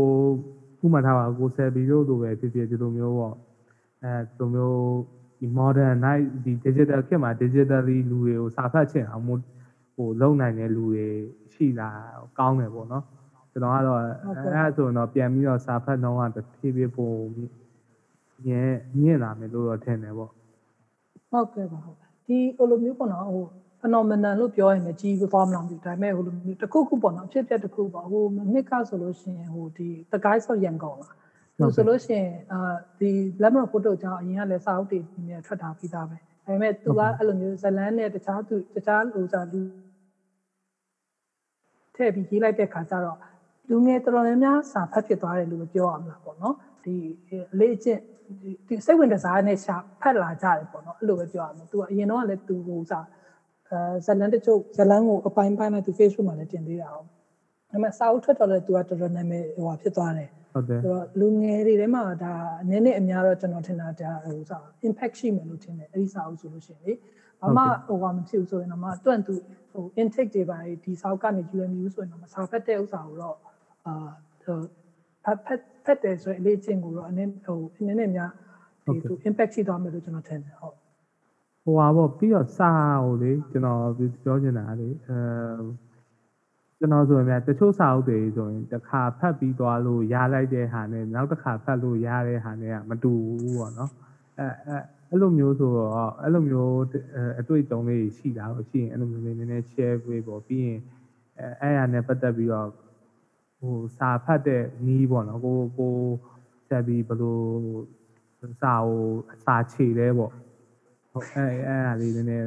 ဟိုရှင်းပြပေးပေါ့အဲအဲနည်းနည်းဟုတ်ဟုတ်ဒါကတော့ဟုတ်တယ်တစ်တစ်ခေါက်ဖတ်တာနဲ့နောက်တစ်ခေါက်ဖတ်တာများမတူပေါ့အဓိကတော့ကျွန်တော်တို့ဟိုဒါကိုပထမဆုံးကျွန်တော်သတိထားမိတာကိုယ့်ရဲ့စိတ်အခြေအနေပေါ့စိတ်အခြေအနေဆိုတာကိုဟိုစိတ်ပြောနေရမပြောနေဒါမှမဟုတ်ရှင် တခြားစိတ်ရှုပ်စရာရှိနေလို့ရှင်ဒီစာအုပ်ကိုဘယ်တော့ပဲသူဟိုစာနာမည်ကြီးတဲ့ကောင်းတဲ့ပြောကို focus မလုပ်နိုင်ဘူးအဲ့ချိန်ဆိုလို့ရှင်ကိုစာဖတ်လို့မရအောင်เนาะအဲ့တော့ဟိုစိတ်အရန်ရှုပ်နေဆိုလို့ရှင်တချို့ကကျတော့စာအုပ်ဖတ်လိုက်တာကတတ်တာတယ်ဆိုပြီးတော့ဖတ်ကြတယ်ဒါပေမဲ့ကျွန်တော်ကအဲ့လိုမဟုတ်ဘူးပေါ့နော် အဲစိတ်နည်းနည်းရှင်းနေမှစာအုပ်ဖတ်တာများတယ်အဲ့တော့ဟိုနောက်တစ်ခုကဘာလဲဆိုတော့အသက်အရွယ်ပေါ့ဒီလိုဒီအသက်အရွယ်နဲ့ဒီ experience နဲ့ဖတ်တဲ့စာအုပ်ဒီဒီချိန်မှာဖတ်ခဲ့တဲ့စာအုပ်ကနောက် ချိန်မှာပြန်ဖတ်တဲ့ခါကျရင်လုံးဝဟိုအစ်စ်လိုဖြစ်နေတယ်လုံးဝမကြိုက်တော့တဲ့ဟာမျိုးလည်းဖြစ်နိုင်တယ်လုံးဝဟိုအရင်တုန်းကဒီလိုပါပဲကွာဆိုတဲ့စာအုပ်ကအရင်ကြိုက်သွားတဲ့စာအုပ်ဖြစ်ရင်ဖြစ်တယ်ပေါ့နောက်ပြီးတော့ဘယ်ချိန်မှပြန်မပြန်ဖတ်ဒီ feeling နဲ့ပြန်ရတဲ့စာအုပ်တွေလည်းအမျိုးမျိုးပေါ့နော်သူကလည်းသူရှိကြတာပေါ့အဲကျွန်တော် digest ဘယ်လိုလုပ်လဲဆိုလို့ရှိရင်တော့ကျွန်တော် digest ဘယ်လိုလုပ်လဲဆိုလို့ရှိရင်တော့အာအရင်တော့ကတော့ကျွန်တော်ဒီတိုင်းပဲဟိုစာဖတ်စာအုပ်ကိုဖတ်လို့ရှိရင်ဟောဒီလိုမျိုးကြိုက်တယ်ဆိုလို့ရှိရင်တချို့အခန်းလေးတွေ ပြီးတော့ပြန်ပြီးတော့အဲ့ဒီဥစ္စာတွေတစ်ခါလေးကြံပြန်ဖတ်တယ်ပေါ့နောက်ပိုင်းကျတော့နှစ်နှစ်လောက်တော့ရှိပြီကျွန်တော်ဒီစာအုပ်ဖတ် annotation လုပ်တယ်ပဲခေါ်ဒီလိုမျိုးအရင်ကတော့ဟိုကိုပိုင်စာအုပ်ဆိုလို့ရှိရင်တော့ကျွန်တော်ဒီဟိုစာနဲ့အဲရောင်စုံခဲတဲ့နဲ့ highlight လေးလိုမျိုး line ထားတယ်ပြီးလို့ရှိရင်ဘေးမှာတစ်ခါလဲအဲ့ချိန်ထဲမှာတစ်ခါလဲကိုယ့်ရဲ့ဟိုစာ thoughts ကိုတစ်ခါလဲခြာရေးတယ်ပေါ့အဲအယူဆနဲ့ပတ်သက်တဲ့လုံးဝအရှိန်မဟုတ်ရင်တော့မှကိုအတူလေးကိုရေးတယ်ရေးပြခါကြလို့ချင်း ဘာလို့ဆိုကျွန်တော်အဲ့ review ရေးဖြစ်တာလေအဲ့ဒါနဲ့ပတ်သက်ပြီးတော့ရေးဖြစ်သွားတာပေါ့နော်ဘယ်လိုမျိုးလဲဆိုတော့တစ်ခါကြောက်ချင်းဟောဒီဒီစာကြောင်းလေးတစ်ခါကြိုက်ရင်ကိုကဒီဘာမှမဟုတ်ဘူးသူရဲ့ sentence structure နဲ့ prose လေးကိုအရင်သဘောကျလို့ကြိုက်တာဒါတွေကြားလို့ရှိရင်တော့သူ့ရဲ့အတွေးနဲ့သူ့ရဲ့ဒီကောင်ကို represent လုပ်ထားတဲ့ဥစ္စာသူ့ narrative ကိုအရင်ကြိုက်လို့ကျွန်တော်ဖတ်တယ်ဒါတွေကြားရင်တော့လည်း um ဒါကိုကိုလုံးဝဟို top provoking ဖြစ်စေတဲ့စာမျိုးပါမျိုးဆိုလို့ရှိရင်ကျွန်တော်ဒီကောင်လုံးဝသဘောကျပြီဆိုလို့ရှိရင်အဲ့မှာကျွန်တော်ပြီးမှနှုတ်ကြောင်းလုပ်တယ်ပြီးလို့ရှိရင်အာ ဟိုဟို fact လေးတွေနဲ့တစ်ခါကြာမှတ်ထားတဲ့ဥစ္စာရှိတယ်တော်တော်များများတော့ကျွန်တော်နောက်ပိုင်းအဲ့လိုမျိုးလုပ်ဖြစ်တယ်အဲ့တော့တောက်တုတ်ဖတ်ပြီးသွားပြီဆိုလို့ရှိရင်ကျွန်တော်နှစ်ရက်အလုံးစုံနှစ်ရက်သုံးရက်သုံးရက်ထပ်ပုံမထားဘူး review ကိုပြန်ရေးတယ်ပေါ့အဲဆိုတော့သုံးရက်ကျော်သွားလို့ရှိရင်ကိုယ်ကတခြားစာဖတ်နေပြီတခြားစာတွေနေပြီဆိုလို့ရှိရင်အရင်လောက်ဟိုစာဟိုစိတ်ထဲမှာမရှိတော့လို့ရှိရင်အဲ review fresh ဖြစ်နေတဲ့အချိန်မှာရေးရပေါ့ဟုတ်ဟုတ်ဟုတ် review ရေးတာလည်းတနည်းအားဖြင့်အဲ့ဒီစာအုပ်ကိုကိုယ်စိတ်ထဲပိုကြံစီတယ်လို့ကျွန်တော်ထင်တယ်ပေါ့နော်ဒါ review မရေးဘဲနဲ့ဒီတိုင်းအော်ဖတ်ပြီးသွားပြီးပြန်မထားလိုက်တယ်ဆိုလို့ရှိရင်ကကျွန်တော်စိတ်ထဲအလောက်ထိမကြံဘူးလို့အဲဆိုတော့ဟိုစိတ်ထဲမှာပဲထားလိုက်တာတဲ့ချရေးလိုက်တာကြတော့ပို့ပြီးတော့ဒီကောင်ဒီ process ပို့ပြီးတော့ကောင်းတယ်လို့ထင်တာပေါ့နော်ဟုတ်ဟုတ်တယ်ဟိုချက်ဒီခုခုဆိုရင်တော့အဲ့လိုမျိုးချရေးလိုက်တာတော့ပို့ပြီးတော့ဟိုမှတ်မိရပါတော့ဟုတ်ကဲ့အဲ့တော့ဟို ဟိုဖတ်ဘူးတဲ့စာအုပ်တွေထဲမှာပေါ့အဲ့လိုမျိုးဟိုတော့အကြိုက်ဆုံးစာရေးဆရာရဲ့ဟိုရွေးရမယ်ထားပါတော့ထားပါ top 5အဲ့လိုမျိုးဆိုရင်ဘယ်သူတွေဖြစ်မလဲဒါမှမဟုတ်ရတယ်ဒါမှမဟုတ်လည်းအဲ့ဒါကိုမဖြည့်ခြင်းဘူးဆိုပဲတစ်ခုခုပေါ့နော် recommend ပေးခြင်းနဲ့အဲအဲ့လိုမျိုးစာစာအုပ်ပဲဖြစ်ဖြစ်စာရေးဆရာပဲဖြစ်ဖြစ်ကျွန်တော်ဟိုအဲ့လိုမျိုးပေါ့ထားပါဒီ9ရောက်တော့ကြိုက်တယ်ဒါမှမဟုတ်ဒီ9အုပ်ပေါ့အဲ့လိုမျိုးတစ်ခု something ပေါ့ အမ်ကျွန်တော်အာစိတ်တာဆိုလို့ရှိရင်9ယောက်ပြောမယ်ဆိုလို့ရှိရင်တော့ကျွန်တော် Murakami ရတော့လောက်ပါတယ် Haruki Murakami ပေါ့နော်ကျွန်တော်သူကအရင်ကအဲတော်တော်စိတ်တာဆိုသူ့စောက်တွေဆိုလို့ရှိရင်ဖတ်တယ်သူကတော့အဲ favorite ဟို top 5ထဲမှာတော့ပါတင်တယ်နောက်ဒုတိယချက်က Mitch Album Mitch Album ကျတော့ um five people you meet in heaven ဆိုတဲ့ဥစ္စာရေးတဲ့စာဟုတ်စာရေးဆရာပေါ့ သူ့ကိုကျွန်တော်ဘာလို့ထိုက်လဲဆိုလို့ရှိရင်အဲကျွန်တော်အများသောအဲ Murakami ဖတ်ပြီးပြီဆိုလို့ရှိရင်အဲ Mitch Album စာအုပ်တွေပြန်ဖတ်ပြန်ပြန်ဖတ်တယ်။သူကကြောက်ဟိုဥစ္စာကဲဟို soul searching တဘောမျိုးတစ်ခါကျရှင်သူစာအုပ်တွေဖတ်အရင်ဆိုဟို Murakami ဖတ်ပြီးတော့ညစ်နေတဲ့စိတ်ကိုသူ့စာအုပ်နဲ့ပြန်ပြီးတော့ cleansing လုပ်တယ်လို့မျိုးပေါ့နော်။ခါကျရှင် detox ပြန်လုပ်တယ်လို့မျိုး Mitch Album ကိုကျွန်တော်ဖတ်တယ်။သူကတော့အာဟိုစာစာအုပ်လေးရတယ်ပပလေးတွေပါ။သူ့စာအုပ်လေးကျွန်တော်ပြန်ဖတ်တယ်။အ မ်သူ Miss Urban Murakami ရဲ့နောက်မြန်မာစာရေးဆရာရဆိုရင်တော့ဆရာမကြီးကြီးသူရဲ့လုံးဝဟိုဖြစ်တယ်အဲနောက်ပြီးတော့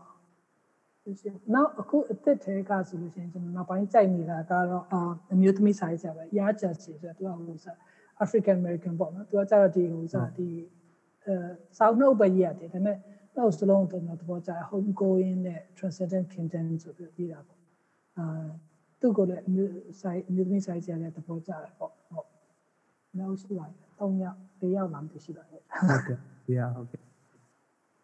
အဲနောက်ကတော့အဲကြပြဆရာပဲပြောအောင်ပေါ့ Rudy Francisco ဆိုတဲ့ဥစ္စာသူ့ရဲ့ကြပြသူကတော့ဟို spoken word poetry ရေးရများတယ် spoken poetry နဲ့ slam poetry ပေါ့အဲကျွန်တော်သူ့ကြပြတွေကိုရှာတွေ့ရတိတ်မကြသေးဘူးလို့နည်းနည်းလောက်ပဲရှိသေးတယ်ဟုတ်သူ့ကိုလည်းတော်တော်သဘောကျအဲအဲတိုက်ဆုံးဆိုလို့ရှိရင်သူ့၅ယောက်ကိုကျွန်တော်ရွေးရပေါ့ဟုတ်ဟုတ်ကဲ့ဟိုမြန်မာကြပြာတွေရောဟိုဖတ်ဖြစ်လာဖတ်တာပေါ့ဟုတ်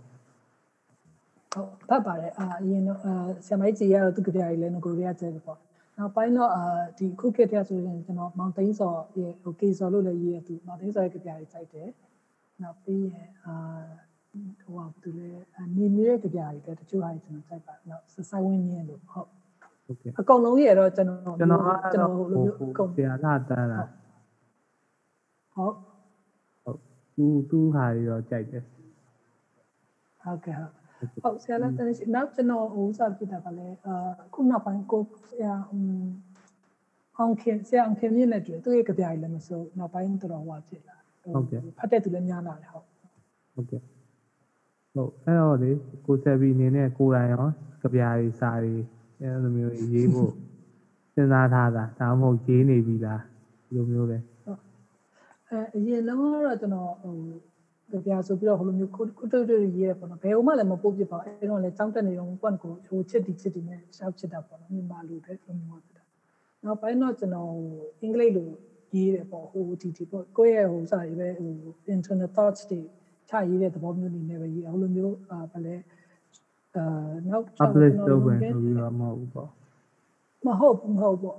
လွန်ခဲ့တဲ့ နှစ်နှစ်လောက်ကနေတော့ Amity Institute ကလုပ်တဲ့ creative writing workshop လာမသိဘူးအဲ့ဒါတော့တက်ဖြစ်တယ် workshop ဟိုတဲ့ workshop တက်ဖြစ်တယ်တက်ပြီးတော့နောက်ပြီးတော့မှသူဟိုကျွန်တော်အဲ့ဒီကနေပါဟို workshop ကနေတစင်ကျွန်တော်ဒီ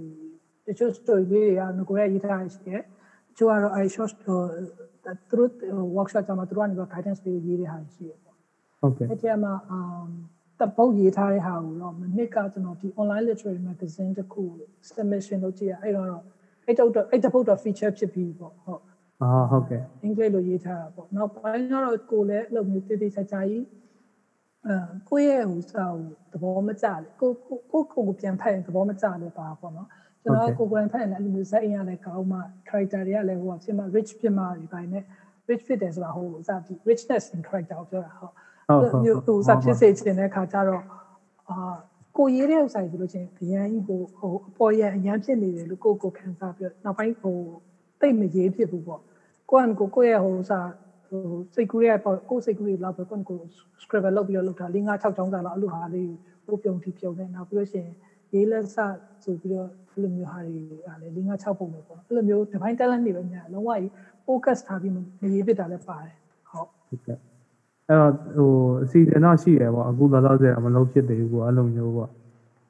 အဲ့လိုပဲပြောမှာပေါ့ရေးတာတော့ရေးချင်တယ်သူဟိုတချို့ဟိုအတိဆိုဟိုကိုနဲ့တည့်ရသူတွေအဲ့လိုမျိုး publish ဟို online magazine မှာပြတခြားဟိုလည်းမဖြစ် feature ဖြစ်ပြီဆိုလို့ရှိရင်အဲ့ချိန်ကျရင်ရေးချင်တဲ့စိတ်ကပြန်ပေါ်လာတယ်ပြောစရင်ခဏနေကိုတကယ် focus လုပ်ပြီးရေးရပြီဆိုလို့ရှိရင်အပြင်းတစ်ပြီးတော့ပျောက်ပျောက်သွားတယ်ကျွန်တော်ဟုတ်ဟုတ်ကဲ့ဟုတ်ကဲ့အဲဟိုဟို ဟာဟိုဘယ်လိုကိုကိုရင်းရောအဲ့လိုမျိုးခုနပြောရဲ့ melancholic ဖြစ်တဲ့ story ပဲဖြစ်မှာလားအဲ့လိုအဲ့လို story ပဲဖြစ်မှာပေါ့အဲ့လိုပဲဖြစ်ဖို့များတယ်အဲ့လိုပဲဖြစ်များတယ်အဲ import ဒါပေမဲ့ကျွန်တော်ကနောက်တစ်ခုပါတော့ကြာဆိုကျွန်တော်အဲ့ဟိုစ visually as ဟိုဓာတ်ပုံရိုက်တာဟိုရုပ်ရှင်ကြည့်တာအဲ့ visually aesthetic ဖြစ်တဲ့ဥစ္စာကိုကျွန်တော်အရင်သဘောကျတယ်အဲ့ တော့စာရေးပြီဆိုလို့ရှိရင်လည်းဟိုဘလောက်ပဲညစ်စရာကောင်းတာပဲဖြစ်နေတယ်ဆိုသူကစလုံးတွေနဲ့အရန်လှအောင်ရေးတယ်ဆိုလို့ကျွန်တော်အရန်သဘောကျတယ် welcome ကိုသဘောကျတဲ့ထဲမှာအဲ့ဒါလည်းပါတော့ approach အရန်လှ approach တားပြီဆိုကျွန်တော်ကြွေပြီးပဲအဲ့ဒါအဲ့တော့ကျွန်တော်စာရေးမှာ it ကိုကအဲ့ဒါလည်းပါလိမ့်မယ်အဲ့လိုမျိုးဟိုဟို com ဆိုင်ရဲ့တကြောင်ဆန်တဲ့ဟိုအဲ့လိုမျိုးအအောင်ပြမှာ အကုန် story တစ်ခုလုံးအဲ့လိုမျိုးထည့်ရေးတဲ့ခါကျတော့ပြုံပြီးတော့ကိုကရှေ့ဆက်မရေးနိုင်တာတွေလည်းပါမှာပေါ့နော်။တော့ကိုကကိုတော့ဒီ great practice နဲ့ပတ်သက်ပြီးကိုကကိုလည်း study လုပ်အောင်မှာပေါ့။ဟုတ်။အဲ့တော့အဲရအဲ့လိုမျိုးဟိုလှအောင်ရေးတယ်ဆိုတာထက်ဟိုစာဖတ်လို့တေးသေးချာချာအစင်ချောင်းရေးတဲ့ post ကိုပြန်ပြီးတော့ဟို study လုပ်အောင်မှာပေါ့။ဟုတ်ဟုတ်ကဲ့ဟိုပြီးတော့ဟိုကိုဆယ်ဘီကဓာတ်ပုံရိုက်တာလေဟိုကောင်းတယ်ပြောမယ်ဟိုဟို Instagram ကပုံနေဆိုရင် ဟိုမိုက်တယ်ပေါ့နော်ဟိုစီးရလှတယ်ပေါ့အဲ့အဲ့တော့ဟိုအဲအဲ့အဲ့ဟာရောဘယ်လိုဘယ်လိုလဲပေါ့တင်ယူတာလားဒါမှမဟုတ်ကိုဘယ်လိုဘယ်လိုကိုအစတွေကဓာတ်ပုံရိုက်ရတာဟိုကြိုက်တာခုနကပြောလိုက်တာတော့ဓာတ်ပုံရိုက်ရတယ်ဝါသနာပါတယ်နဲ့တူတယ်ဆိုတော့ဟိုအဲ့တော့ကိုဓာတ်ပုံကိုရိုက်ကိုကကိုကိုပြင်ပေါ့အဲ့လိုမျိုးပေါ့ဟုတ်ကဲ့ဟုတ်ကျွန်တော် အဲအဲ့လိုမျိုးအဲ့ဒီတက်ပုံရိုက်တာအဲ့လိုမျိုးဒီ arts နဲ့ပတ်သက်ပြီးတော့ပေါ့နော်ကျွန်တော်ကအဲသဘောကျတယ်အဲသူနဲ့ပတ်သက်ပြီးတော့လေ့လာတယ်ပေါ့အဲ့လိုမျိုးဆိုတော့တက်ပုံကကျတော့အရင်တော့ကအဲဟိုးရင်တော့ကတော့အဲစင်မနေတော့အဲ့ DSLR ဘိုင်းနဲ့ကိုယ့်ကိုတည်တည်ချာရိုက်ပြီးနောက်ပိုင်းတော့ဒီ DSLR နဲ့တော့ကိုဖုန်းနဲ့ပဲကိုယ့်ကိုတောက်လျှောက်အကုန်လုံးရိုက်ပြီးဖုန်းတစ်ခုလုံးနဲ့မှာပဲရှိတဲ့ application နဲ့ပြင်ပြီးတော့ဖုန်းနဲ့ပဲဟိုဟာဖြစ်တယ်ပေါ့နော်ဒါပေမဲ့အာ ဝါသနာပါတယ်ပဲပြောမလားပေါ့နော်အဲ့လိုမျိုးဆိုမဲ့ကျွန်တော်ကထုံးသက်ဟိုစားဖြစ်တယ်ဆိုမဲ့အာခုနပြောကျွန်တော်ကအဲ့အမြင်လှတဲ့ဟာကိုကျွန်တော်အရင်သဘောကျတယ်အဲ့တော့အဲ့ဓာတ်ပုံဆိုရင်လက်လောက်လေးရိုက်ထားတဲ့ဥစားဆိုတချို့ဆိုလို့ရှိရင်ဓာတ်ပုံရိုက်တဲ့ကြိုက်တယ်ဆိုတော့ကျွန်တော် street up မှာကြိုက်တဲ့ဟာရှိတယ်လေလို့တကယ်တစ်ခါကြားလို့ရှိရင်သူဟိုသူတို့ဟိုကိုယ်ပိုင်တချို့ကြလဲသူ portrait မှာ portrait ချမ်းကြိုက်တဲ့ဥစားရှိတယ်ကျွန်တော်ကတော့ဟိုအဲ့လိုမျိုးပစ္စည်းလေးတွေနဲ့ still life ကိုပဲလက်လာလေးရိုက်ထားဆိုကျွန်တော်အရင်သဘောကျတယ်ဟုတ်ကဲ့ ဟုတ်ကဲ့ဟိုဟိုအခုဆိုလဲဓာတ်ပုံနေဆိုလဲအရန်ဟိုဟာဖြစ်တယ်ဟိုပြီးရင် review ကလည်းရေးတာဟိုဟာကောင်းတယ်ပေါ့နော်အဲ့တော့ဟိုဒီခုနပြောလို့ပေါ့ကျွန်တော်ကျွန်တော်တို့ကဘယ်လိုပြော bilingual လို့ပြောအောင်ပါပေါ့နော်အဲ့လိုဘာသာနှစ်မျိုးဟိုဖြစ်တယ်ဆိုတော့အဲ့နှစ်မျိုးကိုရှင်ကြည့်ရင်ရောဘယ်လိုဘယ်လိုမြင်လဲပေါ့အဲ့ဘာသာစကားနှစ်ခုကိုကိုယ်အနေနဲ့ဒီရသစာပေလည်းဖတ်တာများရဲဆိုတော့ဒီရသစာပေမှာအဲ့လိုမျိုးပေါ့ ခုနပြောသလိုပေါ့အဲပြောရအဲ့နှစ်မျိုးပေါ့အဲ့ဒီကျွန်တော်ပြောချင်တာသူသူတို့ရေးတဲ့ style တွေပါမဟုတ်ဒီဘာသာစကားနှစ်ခုရဲ့ဟိုဘယ်လိုဘယ်လိုမြင်လဲပေါ့နော်ကျွန်တော်အမြင်ကြတော့အင်္ဂလိပ်စကားကြတချို့ဟာတွေမှာပို့ပြီးတော့ထိရောက်တယ်လို့မြင်မြင်တာဖြစ်မြန်မာစကားကြတော့ကျွန်တော်ပြောအဲအဲ့လိုမျိုးဖတ်ရင်လည်းဗျာမှတ်ထားပါတော့ဟိုအဲဆရာတက်ကလို့ဖုန်းနိုင်ဟာဖတ်တယ်ဆိုရင်လည်း तू က ပေချာဖွဲ့နေတယ်သိရမလားစာကြောင်းဟိုစကလုံးတွေကအရန်အဲ့လိုဖွဲ့ဖွဲ့နဲ့နဲ့ရေးတယ်ဆိုတော့လေအင်္ဂလိပ်စာကြကျွန်တော်တချို့စာအုပ်တွေဆိုဖတ်ရင်ဗျာဟိုဟိုနည်းနည်း straight forward ဖြစ်တယ်ပေါ့နော်အဲ့လိုမြင်လို့အကိုကြတော့ဘယ်လိုဘယ်လိုမြင်လဲပေါ့အဲ့ဘာသာစကားနှစ်ခုပေါ့ပြီးရင်အဲ့နောက်ပြီးတော့မှ literature ပေါ့နော်ဘယ်လိုဘယ်လိုသူတို့ရေးရဲ့ style တွေပေါ့နော်အဲ့လိုမျိုးဟာဟုတ်အဲ့ဒီပုံမှာအခုအမြင်လေး share ပေးပါဦးဟုတ်အဲ မြန်မာစာနဲ့အင်္ဂလိပ်စာဆိုရှင်တော့ကျွန်တော်လည်းအဲ့ဘုစာပေါ့နော်အရင်လုံးကတော့ဟိုမြန်မာစာပြဖတ်တယ်ဆိုလို့ရှိရင်အဲ့လိုမျိုးတချို့ဟာဆိုရှင်တော့အရင်ငငယ်တုန်းကငငယ်တော့ဆိုအဲ့ဟိုဟိုစာဖတ်ခါစားဘိုင်းကတော့စာတုပ်တဲ့ဘုံနဲ့ဆိုလို့ရှိရင်အရန်ကွန်နေဆိုပြီးတော့ကျွန်တော်ဟို appreciate မလုပ်ဖြစ်ဘူးပေါ့နောက်ပိုင်းကျမှပြန်ဖတ်ပြီးတဲ့ခါကျတော့သူ့ရဲ့ဥစ္စာဒီဆိုလို့ရှိရင် तू ကဟိုဒီမြန်မာစာပေကိုတူတူလေးချာချာလေးရေးပြီးတော့ဟိုဟာဖြစ်ထားတာ ကိုယ်နဲ့လို့ကိုမမြင်တော့ပေါ့နော်အဲ့ဒီခါကျတော့ဟို appreciate လုပ်တက်သွားတယ်ပဲပြောမလားအာဟုတ်ကဲ့သူရေးထားလေးရလှတယ်ဟိုကို relate လုပ်တက်သွားခံစားတက်သွားတယ်ပဲပြောမှာပေါ့နော်အဲ့လိုမျိုးဖြစ်လာအဲ့လိုပဲအဲနောက်ပိုင်းမှာကျတော့ဟိုစာဖတ်တဲ့ဟိုဟိုရေးတဲ့သူဒီမကောက်ဖတ်တဲ့ audience နဲ့လည်းကျွန်တော်ထင်တာဆိုင်နေတူတယ်အဲဆိုတော့ဟို plan ဆို English ကကြတော့ international လည်းသုံးနေတာနောက်ပြီးလို့ရှိရင်သူ evolve ဖြစ်လာတဲ့ဥစ္စာနဲ့အမြတ်သူက သူ့မှာစကားလုံးတိုင်းကရှိတယ်ပေါ့နော်ဒီနောက်ပိုင်းကျတော့ဟိုမြန်မာစာမှာကျတော့ဖြစ်လာတဲ့ဟိုဥစ္စာနီးအဓိကအဖြစ်နီးပညာနဲ့ပတ်သက်တာဖြစ်ပါပြီအကုန်လုံးကိုကျတော့သူကဟိုစကားလုံးတိုင်းကိုဟိုဘာသာပြန်ဖို့ဟိုဟာမဖြစ်တော့ဘူးပေါ့နော်နောက်ပြီးအရင်တုန်းကလည်းကျွန်တော်တော်တော်များများကလည်းအာဟိုပါဠိနဲ့ရောပြီးတော့မှမြန်မာစာပေကမြန်မာစကားလုံးကလည်းဟိုပေါက်ခွာလာတာဆိုတော့ပါဠိနဲ့ရောနှောတဲ့စကားလုံးတော်တော်များများဆိုတဲ့ကြတော့ တချို့အင်္ဂလိပ်စကားလုံးတွေဆိုလို့ရှိရင်လည်းဟိုမြန်မာလိုပြောလို့ရတယ်။ဒါစကားအနေနဲ့လည်းထွက်တာလည်းထွက်တာပေါ့။ဒါပေမဲ့တကယ်တမ်းစာပေအနေနဲ့ဆိုပြီးရေးလာမယ်ဆိုလို့ရှိရင်စာဟုတ်တယ်နော် smooth မဖြစ်တော့ဘူးပေါ့နော်ဟုတ်တယ်။ဟုတ်တယ်ဘန်စကားအနေနဲ့စကားပြောအနေနဲ့ပြောလိုက်တာဟုတ်တယ်ဖြစ်နိုင်တယ်။ဒါပေမဲ့ဟို formal let ဟိုစာစာရေးတာပဲဖြစ်ဖြစ်ရုံးသုံးစာပဲဖြစ်ဖြစ်ဒါမှမဟုတ်ရှင်စောင်းပါးတွေဗါတယ်အဲ့လိုမျိုးမှရေးတာဖြစ်ဖြစ်ဒီအထူးသဖြင့်ပေါ့နော်နောက်ပိုင်းကျနီးပညာခေါ်ဝေါ်တွေလည်းအများများလာတဲ့အခါကျတော့ အင်္ဂလိပ်စကားလုံးကမဖြစ်မနေတုံးရတဲ့ဟာမျိုးတွေဖြစ်လာတာပေါ့နော်ပြောညက်ပြီးတော့တုံးရတဲ့အခါဒါကတော့သူဒီဒီ language linguistic ဘိုင်းကလူတွေကတော့ပို့ပြီးဟိုပြောတတ်ကြမယ်နဲ့ပြောတတ်မှာဟုတ်တယ်ဟုတ်ဟုတ်ဟုတ်အဲ့တော့ဟို literature style ဟိုကဘယ်လိုမြင်လဲပေါ့သူဟိုရှိအဲလို့ပေါ့အရင်တော့ဟိုဘယ်လိုကွာခြားလဲပေါ့စာရေးရဲ့ပုံဟိုဘယ်လိုကွာလဲလို့မြင်လဲပေါ့ gen- generally ပေါ့အဲ့လိုမျိုးဒါမှမဟုတ်ဇက်အိမ်စင်တဲ့ပုံမှာည မြန်မာစာရေးဆရာအများစုကဘယ်လိုဇက်အိမ်စင်စင်တက်လဲပေါ့ပြီးတော့အဲအဲ့လိုမျိုးပေါ့ storytelling ဘိုင်းကွာတာရေမျိုးရှိလားပေါ့ကျွန်တော်အဲ့ဒါလေးသိချင်တာဟုတ်အဲ storytelling ဘိုင်းမှာဆိုလို့ရှိရင်ဒီမှာဝတ်တော်တော်များများဇလန်းကောင်းတယ်ဇလန်းဇက်အိမ်ကြီးကောင်းကြတယ်ဒါပေမဲ့ character development ကြတော့ English ဝတ္ထုတွေ English ဝတ္ထုတွေကပို့ပြီးတော့ English ဝတ္ထုပဲခေါ်မှာလို့ဆိုတော့တချို့ဆိုလို့ချင်းဘာဝတ္ထုတွေပေါ့ character development တွေကြတော့အဲ့ဒီနောက်ပိုင်း English လိုရေးထားတဲ့စာအုပ်တွေမှာကျွန်တော်ပို့တွေ့ရတယ်ပေါ့နော်ဒီမြန်မာဆိုလို့ရှိရင်တော့ဟုတ်တယ်ဖတ်လိုက်လို့ရှိရင်ဇလိုင်းတွေကောင်းနေပါအရင်တော့ကဆိုလို့ရှိရင်အဲတော်တော်ဟိုစာလို့ဆိုရင်တော့အဲဒီဗာတယ်ဒီအေးစာအုပ်တွေပါဆိုလို့ရှိရင်တော့ character ကောင်းတဲ့ဥစ္စာတွေပါရှိတယ်ပေါ့ဒါပေမဲ့နောက်ပိုင်းဖတ်လာဖတ်လာခါကျဇလန်းကပဲအဓိကဖြစ်လာပြီ character ကကျွန်တော်ကျွန်တော်ဖတ်ပြီးသလောက်ပေါ့နော် character က character development character အားပေးတာနည်းလာပြီးတော့ဇလန်းပဲအား တားပေးတာများလာတယ်လို့ကျွန်တော်ထင်တယ်ဟိုစာအုပ်တိုင်းကတော့နှစ်ခုစလုံးကောင်းတာရောရှိကြမှာရှိမှာပေါ့နော်ဒါပေမဲ့အာ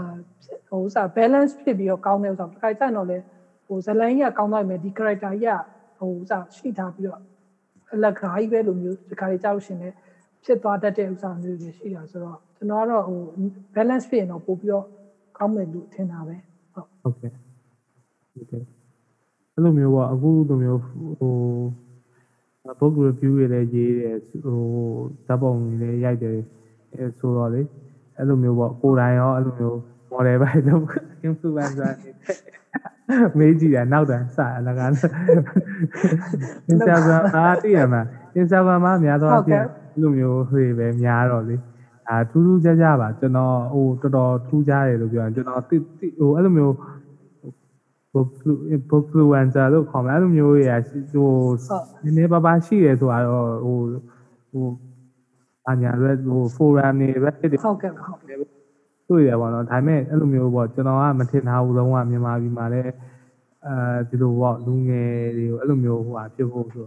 အဲအဲ့လောက်ဒီဟိုကျွန်တော် Instagram ပေါ်မှာပို့ဆိုးရဗျာ Instagram ပေါ်မှာသိရမှာအကုန်လုံးကဟုတ်ဟို ဒီမှာဆိုတဲ့တုံးတုံးနဲ့ဟိုဘယ်လိုခေါ်မလဲဟိုတက်အရွယ်ကနည်းနည်းငယ်တဲ့လူများတယ်ဗျာသိလားဟိုဟုတ်ပုတ်ပါဆိုလူကြီးတွေရှိတယ် Instagram မှာဆိုတကယ်ကလေးတွေကြီးပဲလေဆိုတော့ဟိုဟုတ်အဲအဲအကြောင်းမို့ပါဟိုဟိုဟုတ်ကဲ့ပါအဲအကြောင်းမို့လဲကျွန်တော်ကဟိုဒီ clubhouse မှာတွေ့တော့အဲဘာပဲပြောပြောကျွန်တော်ကျွန်တော်ဟိုဟာမှာကြာတော့ကျွန်တော်ဟိုတီးတသောပေါ့နော်ကျွန်တော် listener ရဲ့မှာကြာတော့အဲ့လိုလူငယ်များတယ်20ကျော်ပေါ့နော်20ပတ်ချာလေးတွေများတယ်ဆိုတော့အဲပြီးတော့ဟိုသူတို့လည်းသိအောင်ပေါ့ကျွန်တော် share ပေးခြင်းလို့ပြီးတော့အဲ့လိုမျိုးပေါ့ဒီစာပြီးတော့ခုနပြောလို့ပေါ့ဒီစာဖတ်ခြင်းအကျိုးတွေကိုဆက်ပြီးအနေနဲ့ဘာတွေရှိလဲပေါ့ဒီစာတွေဖတ်တဲ့အတွက်အခုမှဒီဥအဲဒါဟိုဟာဖြစ်လို့ပြောရတော့မဟုတ်တချို့ရမင်းစာစာဖတ်နေရဆိုမင်းစာတွေ့ပဲရှိရလက်တွေ့ ဘာမှမသိဘူးပေါ့နော်အဲ့လိုမျိုးတွေပြောတယ်ဆိုတော့လေဟုတ်ကဲ့အဲ့တော့စာဖတ်ခြင်းရဲ့အကျိုးကျေးဇူးတကယ်လက်တွေ့မှာတော့ဘယ်လိုအကျိုးကျေးဇူးတွေရှိလဲပေါ့ဟုတ်ကဲ့ကိုဆက်ပြီးတွေ့ကြုံပေါ့ဟုတ် share လို့ရရင် share ပေးပါဟုတ်ကဲ့ပါအဲ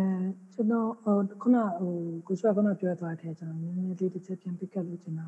ဒီမြန်မာတဲကဒီ Instagram ဆိုပြီးတော့ကျွန်တော်လိုမျိုးလုပ်တဲ့ဥစ္စာ3-4ယောက်လောက်တော့ရှိတယ် အဲလောလောဆယ်တော့ဟိုမိန်းကလေးက3ယောက်လားမသိရှိယောက်ျားလေးကလည်းနောက်တစ်ယောက်ရှိတယ်သူကတော့အဲ့ဟိုစာစာအုပ် book review နဲ့သူသူ့ရဲ့ personal ဥစ္စာနဲ့ရောတင်တာပေါ့နော်အဲ့တယောက်ယောက်ျားလေးကအဲ့တယောက်ရှိတယ်မိန်းကလေးတွေကလည်းနှစ်နှစ်ယောက်တော့တော့ရှိတယ်တယောက်ကတော့ကြာပြီနော်သုံးလေးယောက်လောက်ကကျွန်တော်လည်းအဲရှာတွေ့တာသိမကြသေးဘူးပေါ့နော်အဲဟိုဒီမြန်မာဟိုမြန်မာလူမျိုးပဲဟိုဥစားဒီ Instagram လုပ်နေတဲ့ဥစားအင်္ဂလိပ်လိုရေးနေကြတဲ့ဥစားတော့ရှိတယ် မြန်မာလိုပဲရေးပြီးတော့တချို့ဆိုင်လည်းရှိတယ်ဒါပေမဲ့ဟိုတော်တော်များများအဲ့လို book review နေအများရှေ့ရေးပြီးတင်ကြတာတိတ်မရှိကြဘူးပေါ့နော်ဟုတ်ကဲ့ဟုတ်သူကလည်းသူတော့ဟို၄၅6လောက်တော့ရှိကြတယ်ဟုတ်အဲ့ဒါပါအဲနောက်တစ်ခုကစာအုပ်ဖတ်ပြီးတော့ပေါ့နော်ဟိုဘာဟို step land လုပ်ဖြစ်လဲဆိုလို့ရှိရင်ဟုတ်အဲအမှန်တိုင်းပြောရင်ဟိုစာဒီစာအုပ်ဖတ်တာဟိုပေါ့နော် life changing ဆိုတာလုံးဝကြီးဟို 180 degree change မဟုတ်ရင်တော့မှကိုယ့်ရဲ့ aspect ကိုနည်းနည်းအများတော့ကြောင်းသွားတယ်ပေါ့နော်အာကျွန်တော်ခုနကပြောတဲ့ကျွန်တော်ကြိုက်တဲ့ဆိုတဲ့ size တဲ့ Mitch album ပေါ့အဲကျွန်တော်ကအမှန်တိုင်းပြော very cynical အရင်တော့ very cynical ဖြစ်တယ် very bitter person ဒါပေမဲ့သူ့စာအုပ်တွေဖတ်ပြီးတော့သူ့ရဲ့အဲ forgiveness အကြောင်းတွေရောနောက်ပြီးလို့ရှိရင်တခြားကိုယ့်ရဲ့ဟိုစားဒီလုံးဝဟိုမထင်မဲ့တဲ့ ကိုယ့်ရဲ့ဒီဟိုသူများအပေါ်လုပ်လိုက်တဲ့ action လေးတစ်ခုကဘယ်လောက်ထိ impact ရှိရဲဆိုတဲ့ဥစ္စာတွေပါပေါ့နော်တကယ်တမ်းကိုဟုတ်တယ်ကိုလက်တွေမဟုတ်ဘူးဒါပေမဲ့ဟိုတချို့စာတွေကြတော့ဟိုလက်တွေတဲ့ကိုကိုဟိုပို့ပြီးတော့ impact ရှိတယ်ပေါ့နော်ကိုဟိုစိတ်ကိုစိတ်ထဲကိုပို့ပြီးတော့ impact ရှိတယ်လို့ပြောမှာကျွန်တော်ကတော့အဲ့ဒါကြောင့်တော်သူ့စာအုပ်တွေဟိုကိုဟိုစာဖြစ် thinking ပေးတာပေါ့ဘယ်လိုစဉ်းစားဟုတ်ကဲ့ဟုတ်ပြီးတော့ဟုတ်ကဲ့ဟုတ်ဒါ အဲစိတ်စိတ်အသိပညာလို့ပြောမလားစိတ်ဘယ်လိုထားရမယ်ဆိုတာဟိုသင်ပေးတဲ့ပုံစံမျိုးပေါ့အင်းပေါ့ပေါ့စိတ်ထားကြအောင်ပေါ့နော်စိတ်ကိုဒီလိုမျိုးဒီလိုမဖြစ်နဲ့ဒီလိုလေးဆိုပိုကောင်းတယ်ဆိုရဲဒါမှမဟုတ်လဲအရင်တော့ကိုမမြင်တဲ့အမြင်ပေါ့တခုကိုဟုတ်တယ်ဟုတ်တယ်ဒါမျိုးလည်းဖြစ်ရင်ဖြစ်မှာပေါ့နော်ဟုတ်ကဲ့အဲ့လိုမျိုးပေါ့ကျွန်တော်ကအဲ့လိုမျိုးဟိုဘယ်လိုခေါ်မလဲဟိုကျွန်တော်ခုနအစမှပြောဟို self help တွေမဖတ်ဘူးဆိုတာ self help တွေအများသောအားဖြင့် ဘယ်လိုဘယ်လိုလုပ်ရင်ပါဖြစ်တယ်ပါဖြစ်တယ်ဆိုပြီးကျွန်တော်ကကိုယ်အဲ့လိုအဲ့လိုလုပ်ဆိုပြီးပြောတာမကြိုက်ဇလန်လေးနဲ့ဘယ်လိုဘယ်လိုဘယ်လိုဖြစ်သွားတယ်ဘယ်လိုလဲဘယ်လိုအဲ့လိုမျိုးဆို story telling ပေါ့ဟုတ်ကဲ့ရရကိုအဲကြောင့်ဟိုဟိုဟာပေါ့ sapiens ထဲမှာပြောတာ story တွေကအရေးကြီးတယ်ဆိုတာအဲ yes ကြောင့်ဟုတ်တယ်อืมအဲ့ပေါ့နော်ဟိုလိုမျိုးပေါ့နော်အဲ့လိုမျိုးဆိုလို့ရှိရင်တော့ကျွန်တော်ကအဲဒီခုနကပဲ impact ကို impact အစားတယ်ဘယ်လောက်ထိပါဖြစ်တယ်ဆိုရင် အဲအရင်လောက်လဲကျွန်တော်ဒေါသတိတ်မကြီးတတ်တော့ဘူးပေါ့နော်စာအုပ်တွေအဲ့လိုမျိုးဖတ်ပြီးနောက်ပိုင်းမှာနောက်နောက်ပြီးလို့ရှိရင်အာသူသူများရဲ့အမြင်ကိုဟိုစာနောက် multiple point of view ကိုကျွန်တော်ပို့ပြီးတော့စဉ်းစားတတ်လာတယ်ဒါကဟိုအသက်အရွယ်နဲ့လည်းဆိုင်လာတယ်လို့တော်တော်များများကလည်းစာအုပ်တွေကပတိပေါ့နော်နောက်တစ်ခုကပါလဲဆိုလို့ရှိရင်ဟောဟိုစာသူဘာလို့ဆိုတော့ကျွန်တော်တို့ဟိုလက်တွေ့ကိုဘယ်လိုဟိုဟာဖြစ်တယ်ပဲပြောပြောဘယ်လောက်အရေးကြီးတယ်ပြောပြောကျွန်တော်တို့ကဟို ဘဝတွေအများကြီးသူတွေအများကြီးနဲ့ကျွန်တော်တို့မကြုံတွေ့နိုင်ဘူးလေကြုံတွေ့နိုင်တဲ့ခါကျကျွန်တော်တို့ study လုပ်နိုင်တဲ့ကျွန်တော်တို့သိနိုင်တာက through books and through stories လို့ရှင်နေရတော့ဖြစ်ဖြစ်စာပေတွေရတော့ဖြစ်ဖြစ်ကျွန်တော်တို့မသိနိုင်တဲ့ဘဝတွေကိုကျွန်တော်တို့အာမြင်နိုင်တာကြားနိုင်တာတွေ့ရှိနိုင်တာဒီ story တွေကနေတစ်ဆင့်မျိုးကျွန်တော်တွေ့နိုင်တာဆိုတော့အဲ့တော့ကိုမသိနိုင်တဲ့ဥစ္စာတွေကိုအဲ့ဒီစာအုပ်တွေဖတ်ပြီးတော့ကိုနားလည်နိုင်တာပဲဖြစ်ဖြစ်သူတို့ကိုနားလည်ပြရဖြစ်ကိုယ် empathy ရှိလာတာပဲဖြစ်ဖြစ်ကဒါစာအုပ်ကို လူတိုင်းကိုမကြုံတွေ့နိုင်ဘူးဒါကတော့ဟိုကို effort ထားထားသလိုပေါ့နော်အပြင်ကလူတွေနဲ့ interact တွေ့ရဆိုပေမဲ့အဲကြလည်းကျွန်တော်လို introvert လူမျိုးလူနဲ့လူလူချင်းတွေ့ရတာတိတ်ပြီးတော့ဟိုအောင်ဖြစ်တဲ့သူမျိုးဆိုလို့ရှိရင်ကျွန်တော် south တင်နေတွေ့တယ်။ south ထဲကနေ story ကနေတစ်ဆင့်သူများလေးပေါ့တကယ်လည်းအပြင်မှာမဖြစ်မနေကြုံရတွေ့ရပြီဆိုရင်ဒီလိုလူမျိုးဆိုလို့ရှိရင်အော်သူလည်းဒီလိုမျိုးရှိလို့ဒီလိုအခက်အခဲရှိလို့ဆိုအတွေးမျိုးတွေပေါ့နော် ကိုသူများဘက်ကိုတဲ့တွေးပြီးတဲ့ဥစ္စာမျိုးတွေကတော့အဲ့လိုမျိုးအတွေးတွေတွေးရတွေးတတ်ကြအောင်ကျွန်တော်စောက်ပြရပဲအဓိကပေးတာပါဟုတ်ကဲ့ဟုတ်ကဲ့အဲကျွန်တော်အခုဟိုတော့မေးတာတွေလည်းဖြေပေးရတယ်ကျေးဇူးပါဒီဟိုပါပေါ့အာကျွန်တော်ဟိုဟုတ်ဟိုဒီလိုမျိုးပေါ့လေပြောခွင့်ရတယ်ကျေးဇူးတင်တယ်ပြီးတော့ဟိုဆက်ဆုံးတစ်ခုမေးချင်တယ်ပေါ့အဲ့လိုမျိုး ဟိုကျွန်တော်ဘယ်လိုပြောရလဲအဲကိုအာဘယ်လိုပြောရလဲဒီချိုးစာအုပ်တွေကဟိုပေးတဲ့ဟိုဘယ်လိုခေါ်မလဲအာဘယ်လိုခေါ်မလဲပေးတဲ့ဟာတွေကတစ်ခါတည်းကြာရင်ဟို toxic ဖြစ်တာရှိတယ်ပေါ့နော်ဟုတ်ကဲ့ဟုတ်အဲအဲ့လိုမျိုးဟာတွေကြတော့ဘယ်လိုမျိုးဟိုဟိုကရှောင်းရှောင်းတင်နေပေါ့နော်ဟုတ်ဟုတ် sorry အာကျွန်တော်အာဒါကလည်းဟိုစာဖတ်တဲ့စာဖတ်တက်တန်းနဲ့လည်းဆိုင်နေပေါ့နော်ဟိုစာအရင်ဟိုဖြစ်သေးဆိုလို့ရှင်တော့အာရှိသမျှဘယ်ဟာပဲဖြစ်ဖြစ်သူကဒီဟာဒီစာအုပ်တရားဥစ္စာတိုင်းယူသွားမှာပေါ့ကျွန်တော်ကျွန်တော်တိုက်တဲ့အာ one of my favorite book တဲ့အာ character ပြောရရှိတယ်သူရဲ့တရားအနေနဲ့သူကြောင်းသားကိုပြောတာပေါ့နော်အာ be like a filter not a sponge when you read a book တဲ့အော်စာအုပ်ဖတ်ပြီးဆိုတော့ကို filter အနေနဲ့ပဲ ကိုယ်ကိုလို့ပေါ့နော် sponge အနေနဲ့ရှိတဲ့မြအကုန်လုံးကို absorb လုပ်ဆုံးမယူနိုင်အကုန်လုံးစုံယူလိုက်နဲ့ filter အနေနဲ့ပဲလုပ်ပြီးတော့ကိုဟာဖြစ်တာပဲပေါ့ဒါပေမဲ့ filter လုပ်တယ်ဆိုတဲ့အခါမှာလည်းဟိုမကောင်းတဲ့ဟာတွေပဲ filter တွေပဲကောင်းတဲ့ဟာတွေပဲလုပ်တာလည်းမဟုတ်ဘူးဒါကတော့ဟိုစာဖတ်တက်တဲ့နဲ့ကြာလာတဲ့မြပဲဟာကိုတော့ကောင်းတယ်ဘယ်ဟာ toxic ဖြစ်တယ်ဆိုတာသူခွဲခြားတက်လာမယ်လို့တော့ထင်တာပဲဟုတ်အဲစာရေးတယ်ဆိုတာကလည်းလူတိုင်းကလည်းတော့စာရေးမဟုတ်ပါဘူးဟိုရုပ်ရှင်ပဲဖြစ်ဖြစ် art ပဲဖြစ်ဖြစ်အကုန်လုံးက ဟို message ကတော့ပေးချင်တဲ့သူကလည်းရှိတယ်တချို့ကြလည်းဟို art for art sake ဆိုပြီးတော့အနုပညာအနုပညာပဲဘာ message မှမပါဘူးဆိုတဲ့သူတွေလည်းရှိတယ်တချို့ကြလည်းဒါဟို knowledge propaganda ပဲဖြစ်ဖြစ်ပါပြီတခုခုအတွက်ကိုသူတို့ကဒါ awareness ရစေချင်လို့ပေးတဲ့ဥစ္စာတွေလုပ်တဲ့ဟာရှိတယ်ပေါ့သူတို့ကနေဟိုပဲသူတို့ဘယ်လိုပဲ present present လုပ်လို့ပေါ့နော်ကိုယ့်ဘက်ကနေပြီးတော့အာဒါကတော့ကိုယ့်အတွက်ကောင်းတယ်ဆိုလို့ရှိရင်ကိုယူလိုက်တယ်ကျွန်တော်ခုနပြောသလို response အနေနဲ့မလုပ်ဘဲနဲ့ကို filter လုပ်ပြီးတော့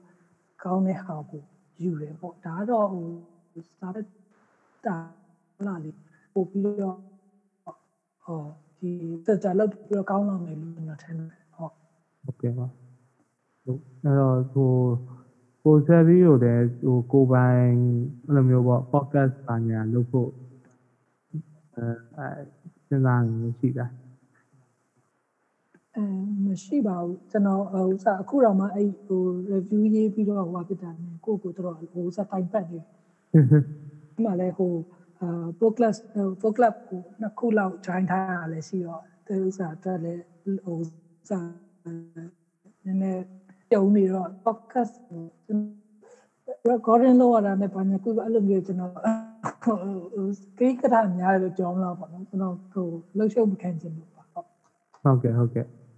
ဟုတ်ကဲ့သဘောပေါက်ပါဟုတ်ဟိုဘာအဲ့ဆိုရင်တော့လေကျွန်တော်ဟိုဟာပေါ့ဘလို့ဘလို့ကျွန်တော်ကတော့ဖြစ်စေခြင်းတယ်ပေါ့နော်အခုနောက်ပိုင်းကအားပြောပြောဟို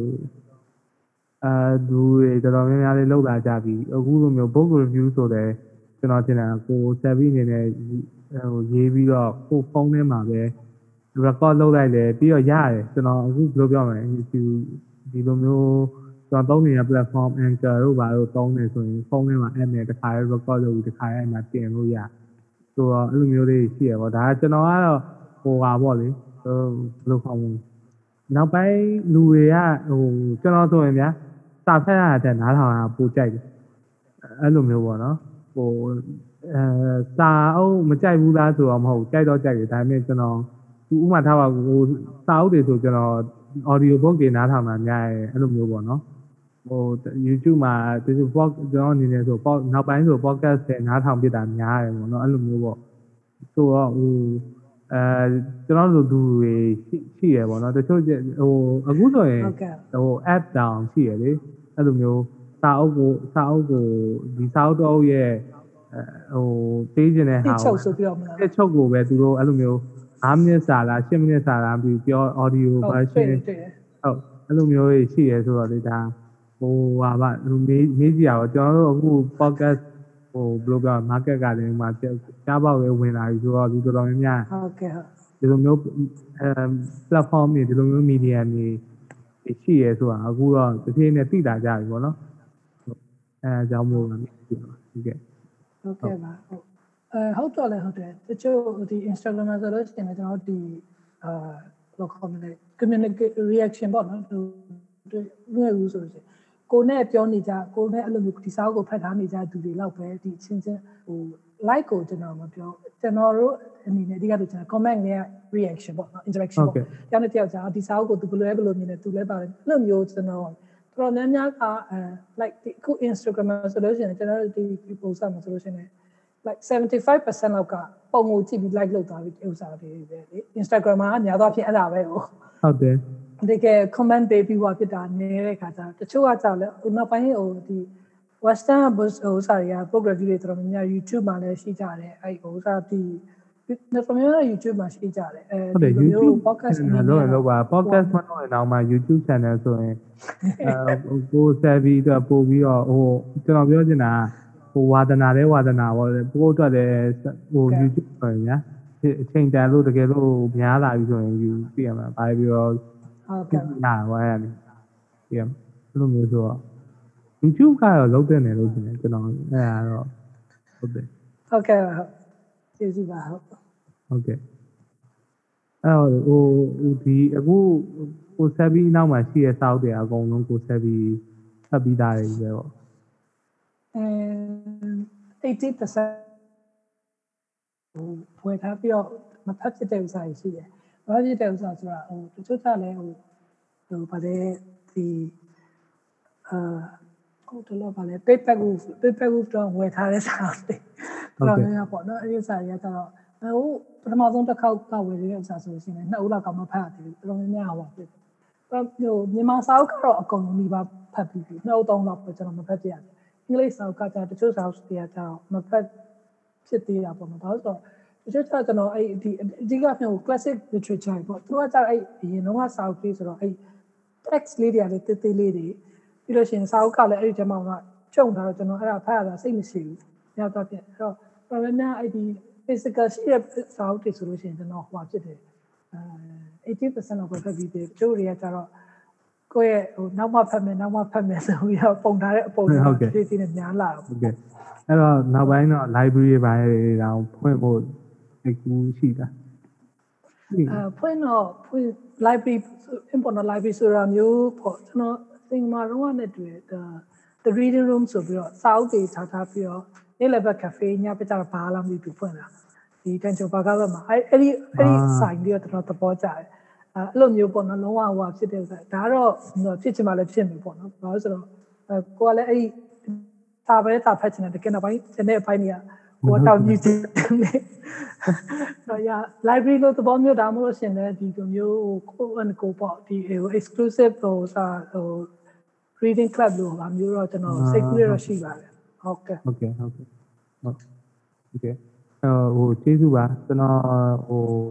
ဒီလေးရတော့လည်းကျေးဇူးပါကျွန်တော်ဟုတ်ကဲ့ပါဟုတ်ဟိုဟာပေါ့ဟိုဒီအခုလိုမျိုး ကျွန်တော်ကတကယ်ပုံမှန်ဆိုရင်တော့ဟိုများသောအားဖြင့်မျက်နှာချင်းဆိုင်ဟိုဟာဖြစ်တာများအခုလိုဖန်နေလောကလည်းဟိုကျွန်တော်ဟိုပြောရရင်တော့ဟိုအဲအားအတိတ်အားမရဘူးပေါ့နော်ဟုတ်ကဲ့ဟုတ်ကဲ့ဟိုဘယ်လိုဟောမလဲအချိန်နေပေးရင်တော့အဲ့လိုမျိုးအချိန်နေပေးရင်ပေါ့ဟုတ်ကဲ့ဟုတ်ပါကဲ့ဟုတ်ကဲ့ဟုတ်ကဲ့ကျေးဇူးပါအဲဒါဆိုရင်အာကိုဆက်ပြီးတော့ဗာများချက်ချက်ပြောဆက်ပြောကြရှိပြောချင်သေးတယ်ဒါလိုမျိုးပေါ့ဟုတ်ဟုတ်ဟုတ် မရှိပါဘူးဟုတ်ကျွန်တော်လည်းဒီလိုဟိုတကူတကအလိုမျိုးဟို request လုပ်ပြီးတော့ဟိုစားအဲဒီပြောပေးဖို့ဖိတ်တာပေါ့နော်ကျွန်တော်လည်းကျေးဇူးတင်ပါတယ်ဟုတ်ဒီစာအုပ်ဖတ်တာကတော့ဟိုနည်းနည်းများရှိကြပြီမဲ့အဲ့လို review ရေးတဲ့ဥစ္စာပါညာတော့ Facebook မှာတော့ရှိကြတယ် group တွေနဲ့လည်းတွင်သူမြန်မာလို့ရှိကြတယ်ပေါ့နော်အဲတချို့ဒီမြန်မာတွေကကျွန်တော်လည်းဟိုဒီ message box ကမေးတာရှိပေါ့ even ဗမာစာအုပ်ကိုပဲကျွန်တော်ဘာလို့ဟိုအင်္ဂလိပ်လို review ရေးလဲပေါ့နော် ဆိုရင်မြန်မာစာအုပ်ကိုမြန်မာလို review ရ Facebook ပေါ်မှာအများကြီးရှိတယ်ချင်းချင်းလည်း share နေကြတယ်ကျွန်တော်ကတော့အာတချို့ဒီ Instagram မှာလည်းရှိတယ်တရုတ်စာအုပ်တွေသူ Philippines စာပေ Indonesian စာပေတွေသူတို့တွေ review အင်္ဂလိပ်လိုရေးအော်သူတို့ဟာဖတ်ပြီးရှင်အော်ငါ coach စီကနိုင်ငံမှာလည်းဒီလိုဇလန်တွေဒီလိုစာမျိုးရေးတဲ့ဟိုစာဘယ်လိုကောမလဲဇလန်တော့လုံးမသိအောင်မှာအော်ဒီမှာလည်းဒီလိုဇလန်မျိုးရှိတယ်ဆိုတဲ့ဥစ္စာကိုကျွန်တော်ပေါ့နော်နောက်ပြီးတော့ဟိုမြန်မာစာအုပ်တွေကဟို translate English လို့ translate လုပ်ရတာ တော်တော်နည်းတယ်လေ10အုပ်လောက်ပဲရှိတယ်ကျွန်တော်သိတဲ့လောက်ပေါ့နော်10အုပ်တောင်ကျော်ရလားမသိဘူးကျွန်တော်သိဟိုးရင်တော့မုံရမဟုပြင်ထားတာရှိတယ်အဲနောက်ပြီးတော့အဲဆမနုနုအင်ဝါရဲ့ဥစ္စာကိုပြင်ထားတာရှိတယ်ဒါသူလုံးဝနာမည်ကြီးတဲ့ဥစ္စာတွေလောက်ပဲနောက်ပြီးတခြားအရန်ကောင်းတဲ့ကောင်းတဲ့ဆိုတဲ့စာတချို့ question လည်းအများကြီးရှိရပေါ့ translator ဖြစ်စေချင်တယ်ပေါ့နော် translator မှာဖြစ်ရင်တော့ကျွန်တော်ကအာဒီနိုင်ငံမှာလည်းဒီလိုစာပေရှိတယ်ဆိုတာကိုကျွန်တော်ကအာ နည်းနည်းအများပေါ့ဘလောက်မှ impact မရှိအောင်မှသူတို့တွေနိုင်ငံတခြားနိုင်ငံတွေလည်းနိုင်ငံမှာဒီလိုစာအုပ်တွေရှိတယ်ဒီလိုရေးကြတယ်ဆိုတော့ဒီလူတွေရဲ့ story တွေရှိတယ်ဆိုတာကိုကျွန်တော်သိစေချင်ကျွန်တော်တော့အင်္ဂလိပ်လိုရေးတယ်ပေါ့ဟုတ်ကဲ့အဲ့ဒါလေးကျွန်တော်ထင်တာဟိုဘက်မှာဟို publisher ရှိရင်တော့ကျွန်တော်တို့မြန်မာစာအုပ်တွေပဲဟိုအင်္ဂလိပ်လိုဘာသာပြန်ထုတ်ရင်ထုတ်လောက်တယ်ပေါ့နော်အဲ့တော့ကိုကျွန်တော်မြင်မိတာကိုဆက်ပြီး review ကို အဲထားပါတော့အဲ့လိုမျိုးပေါ့ independent publisher တယောက်ယောက်ကဖတ်မိသွားပြီးတော့မှစာအုပ်ကိုအာသူ public အင်္ဂလိပ်လို publish လုပ်ချင်တယ်ဆိုပြီးတော့ဖြစ်သွားရင်လည်းဒါဘာပြောကိုဆက်ပြီးတနည်းအထောက်ကူပြုလိုက်နိုင်တာပဲလေဟုတ်ကဲ့ပါဟုတ်ကျွန်တော်မြင်မိရပေါ့အဲ့လိုမျိုး Instagram မှာရှာနေနေတာတွေ့သွားပြီးမြန်မာစာအုပ်ဝရှိရဆိုရင်နိုင်ငံခြား maybe လေဒါဖြစ်လာနိုင်တာဖြစ်ဖြစ်မဖြစ်တော့မသိဘူးပေါ့နော်ဒါ maybe ပေါ့ဟုတ်တယ်ဟုတ်ကဲ့ပါဟုတ်ကဲ့ပါကျေးဇူးပါခင်ဗျအဲ့လိုမျိုး ဟုတ်ကဲ့ပါကျေးဇူးပါဟုတ်ကဲ့နောက်လည်းအချိန်ပြေကျွန်တော်ထပ်ပြီးတော့ဖြစ်ပါအောင်ခင်ဗျဟုတ်ဟုတ်ကဲ့ကျေးဇူးပါဟုတ်ကဲ့ဟုတ်ဟုတ်ဒီပါဟုတ်ကဲ့ see you see you ရပါနော်